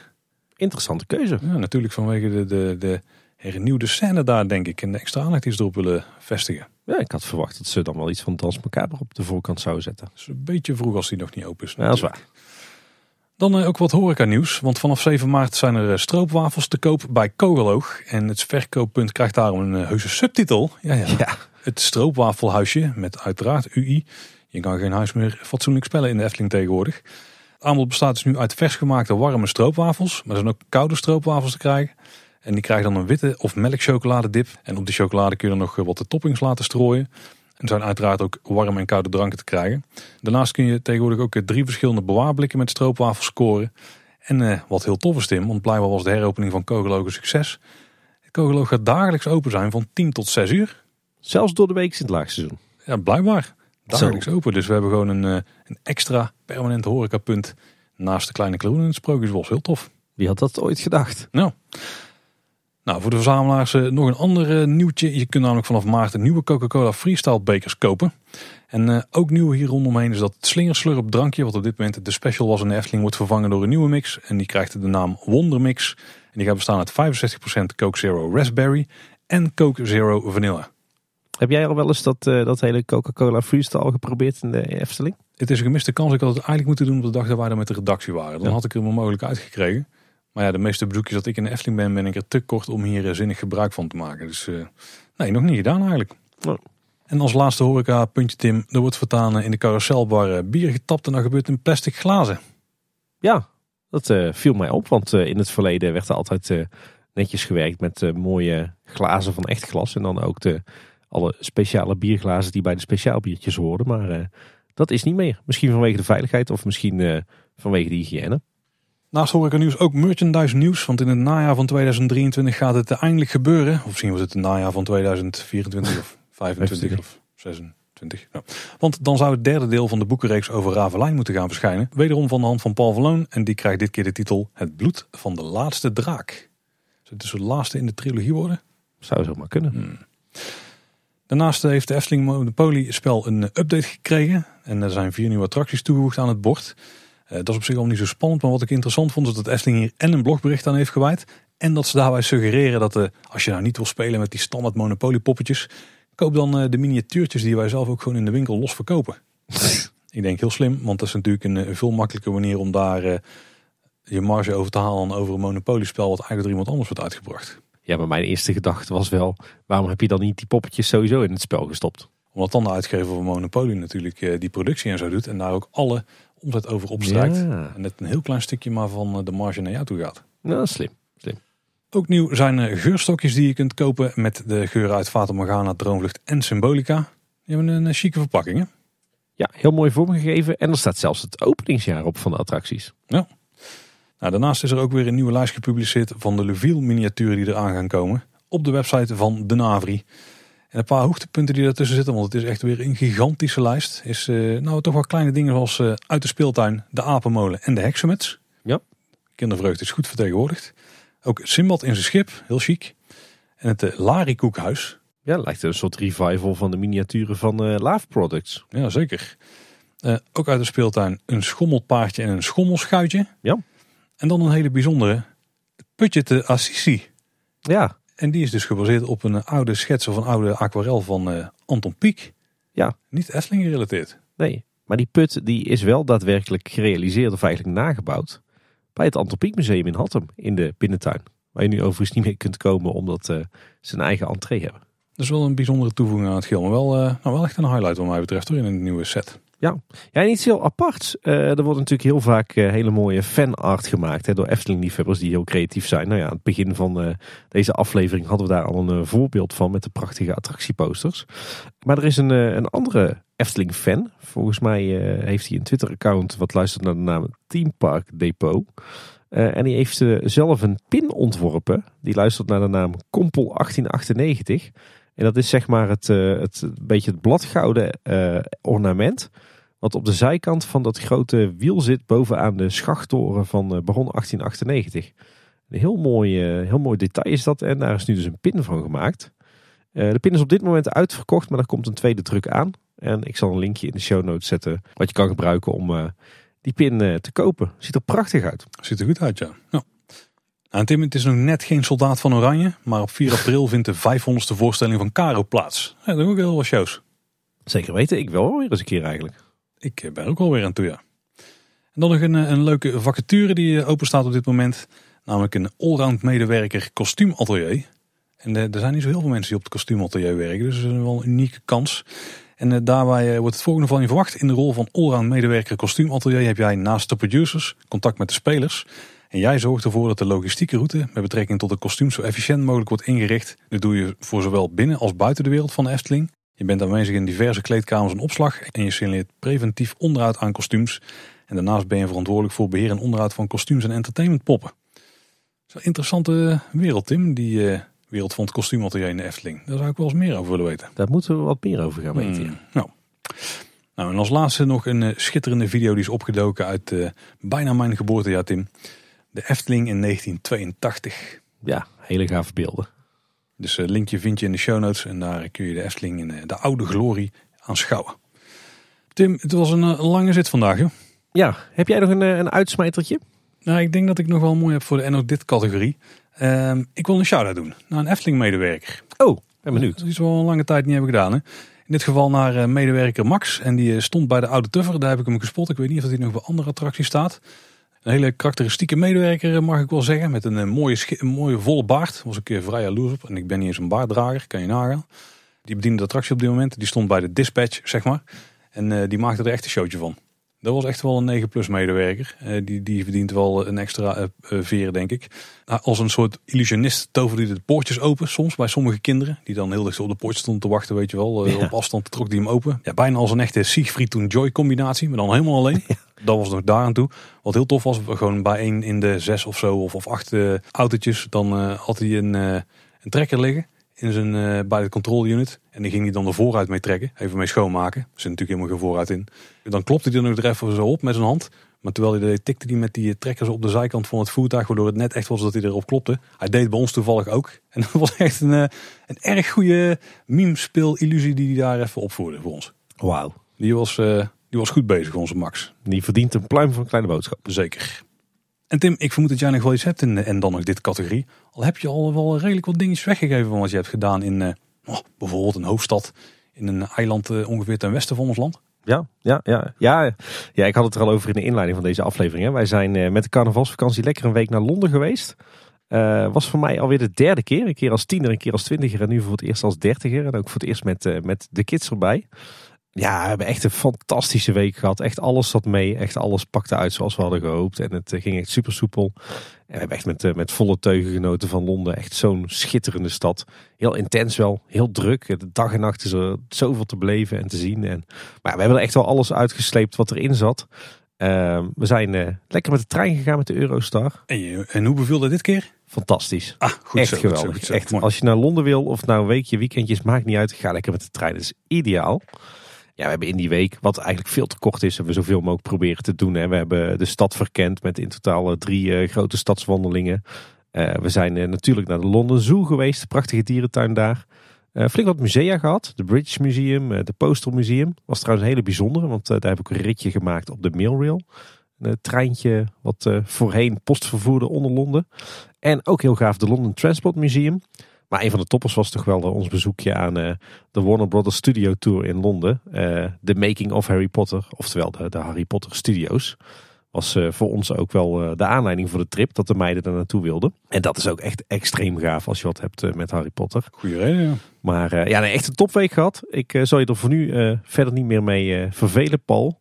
Maar we gaan binnenkort weer een aflevering van de buitenwereld opnemen. Dat is dan inmiddels aflevering 13. En daar zullen we het nog even uitgebreid gaan hebben over ons weekje in Londen. Dus over tien jaar weer? ik denk zelfs wel sneller. We waren alle vier wel echt weer verliefd op Londen. Nou oké, je mag over, ik weet helemaal niet hoe oud je bent trouwens. Maar als je 40 bent, dan mag je pas weer hoor ik net. Hoezo? Dat je ongeveer uh, iedere oh. decennia van je leven er een keer bent geweest. Nou ja, de paspoorten van de kids zijn vijf jaar geldig. Dus we hebben gezegd, ja, we moeten binnen, zeker binnen vijf jaar een keer terug. Ja, het paspoort nodig natuurlijk. Ja. En verder, uh, nou goed, uh, verder natuurlijk begonnen op nieuwe werk. en nog wat, wat bezoekjes aan de Efteling gebracht. Ook nog weer een keertje naar Gaia Zoo geweest in, in Kerkrade in Zuid-Limburg. Dat is een hele mooie dierentuin die ook thematisch goed in elkaar zit. En daar zijn ze lekker bezig. Daar hebben ze een heel nieuw entreegebouw. Daar hebben ze een grote uitkijktoren bij de ingang. Een aantal nieuwe volières. Dus daar zijn ze flink eh, aan de weg aan het timmeren. En tot slot nog even twee kijktips. Uh, je kan je misschien wel uh, herinneren, Paul, dat ik de vorige keer de Franse oorlogsserie of dramaserie Les Combattants tipte. Mhm. Nou, als je van het genre houdt, dan moet je ook echt naar een ander Frans kostuumdrama kijken. En ik heb normaal gesproken eigenlijk niet zoveel met kostuumdrama's. Ik val er altijd bij in slaap. Maar op de een of andere manier zijn Franse kostuumdrama's altijd net wat spannender. Maar een andere hele toffe serie is, en ik moet het goed uitspreken, Le Bazar de la Charité. Over een grote brand in een soort van overdekt winkelcentrum in 1897. En wat er daarna allemaal gebeurt. Echt een prachtig jaartal natuurlijk. En fantastisch steltje. Dus absoluut een kijktip. En in een hele andere categorie, in de categorie reis- en wereldprogramma's, kan ik zeker aanraden het, programma Langs de Nieuwe Zijderoute. Met ja, toch wel twee eindbazen, Jelle Brandt Korstius en Ruben Terlouw. En zij ja, gaan eigenlijk op ontdekkingstocht door Centraal-Azië. Wat een heel boeiend gebied is, maar waar we hier in Nederland maar weinig van weten. Heel tof programma. Klinkt goed. Ja, dan zijn we er weer doorheen, Tim. De reacties van luisteraars, die hebben we tussendoor een aantal kunnen behandelen. Maar eh, die uitgebreid behandelen doen we in een toekomstige nieuwsaflevering weer. Waarin er iets minder Efteling nieuws is. Ja, dus uh, dat ligt vooral aan de Efteling eigenlijk dat we daar tijd voor hebben. En we hebben een, paar eh, blokjes nog bewaard voor de volgende keer. Dan sparen we er even wat nieuws op. Die behandelen we dan de volgende keer weer. Maar voor nu zit het erop. Heb je wel een, een, vraag voor ons of wil je iets kwijt over deze aflevering? Dat kan op verschillende manieren. Als je naar kleineboodschap.com slash volgen gaat, dan vind je alle social media kanalen waar wij te vinden zijn. En dan kun je daar eh, ons volgen en eh, berichtjes naar ons toesturen. Een beetje afhankelijk van het platform. Eh, als je dan toch op de website bent, daar hebben we ook een contactformulier. Je kunt ons ook gewoon ouderwets mailen naar info.kleineboodschap.com. Ja, je luistert Kleine Boodschappen in je favoriete podcast app. doe je dat nou, zorg er dan voor dat je je abonneert. maar daarnaast zijn we ook te luisteren via Spotify en via onze website. En dat is kleineboodschap.com. En daar vind je natuurlijk bij de aflevering ook alle relevante linkjes, de show notes. Um, luister je ons nou in een app en je kunt een rating of een review geven, doe dat dan zeker. Dat kan in ieder geval bij Apple Podcasts en bij Spotify. Ja, de geschreven Apple Podcast reviews blijven wel wat achter. Maar de vorige keer deden een oproepje om als je in Spotify luistert dan daar een rating achter te laten. Dat hebben mensen massaal gedaan, Tim. Want ik kan niet meer exact zien hoeveel eh, reviews we hebben gekregen. Want de 1K, die staat er nou. Hoppa. Dus uh, dankjewel daarvoor. Maar wat natuurlijk nog beter werkt dan een reviewtje achterlaten is uh, iemand anders eens even wijzen op het bestaan van Kleine Boodschap. En uh, nou ja, wie weet hebben we er weer een luisteraar bij. Dat was in ieder geval weer voor deze week. Bedankt voor het luisteren. Tot de volgende keer. En houdoe. Cheerio.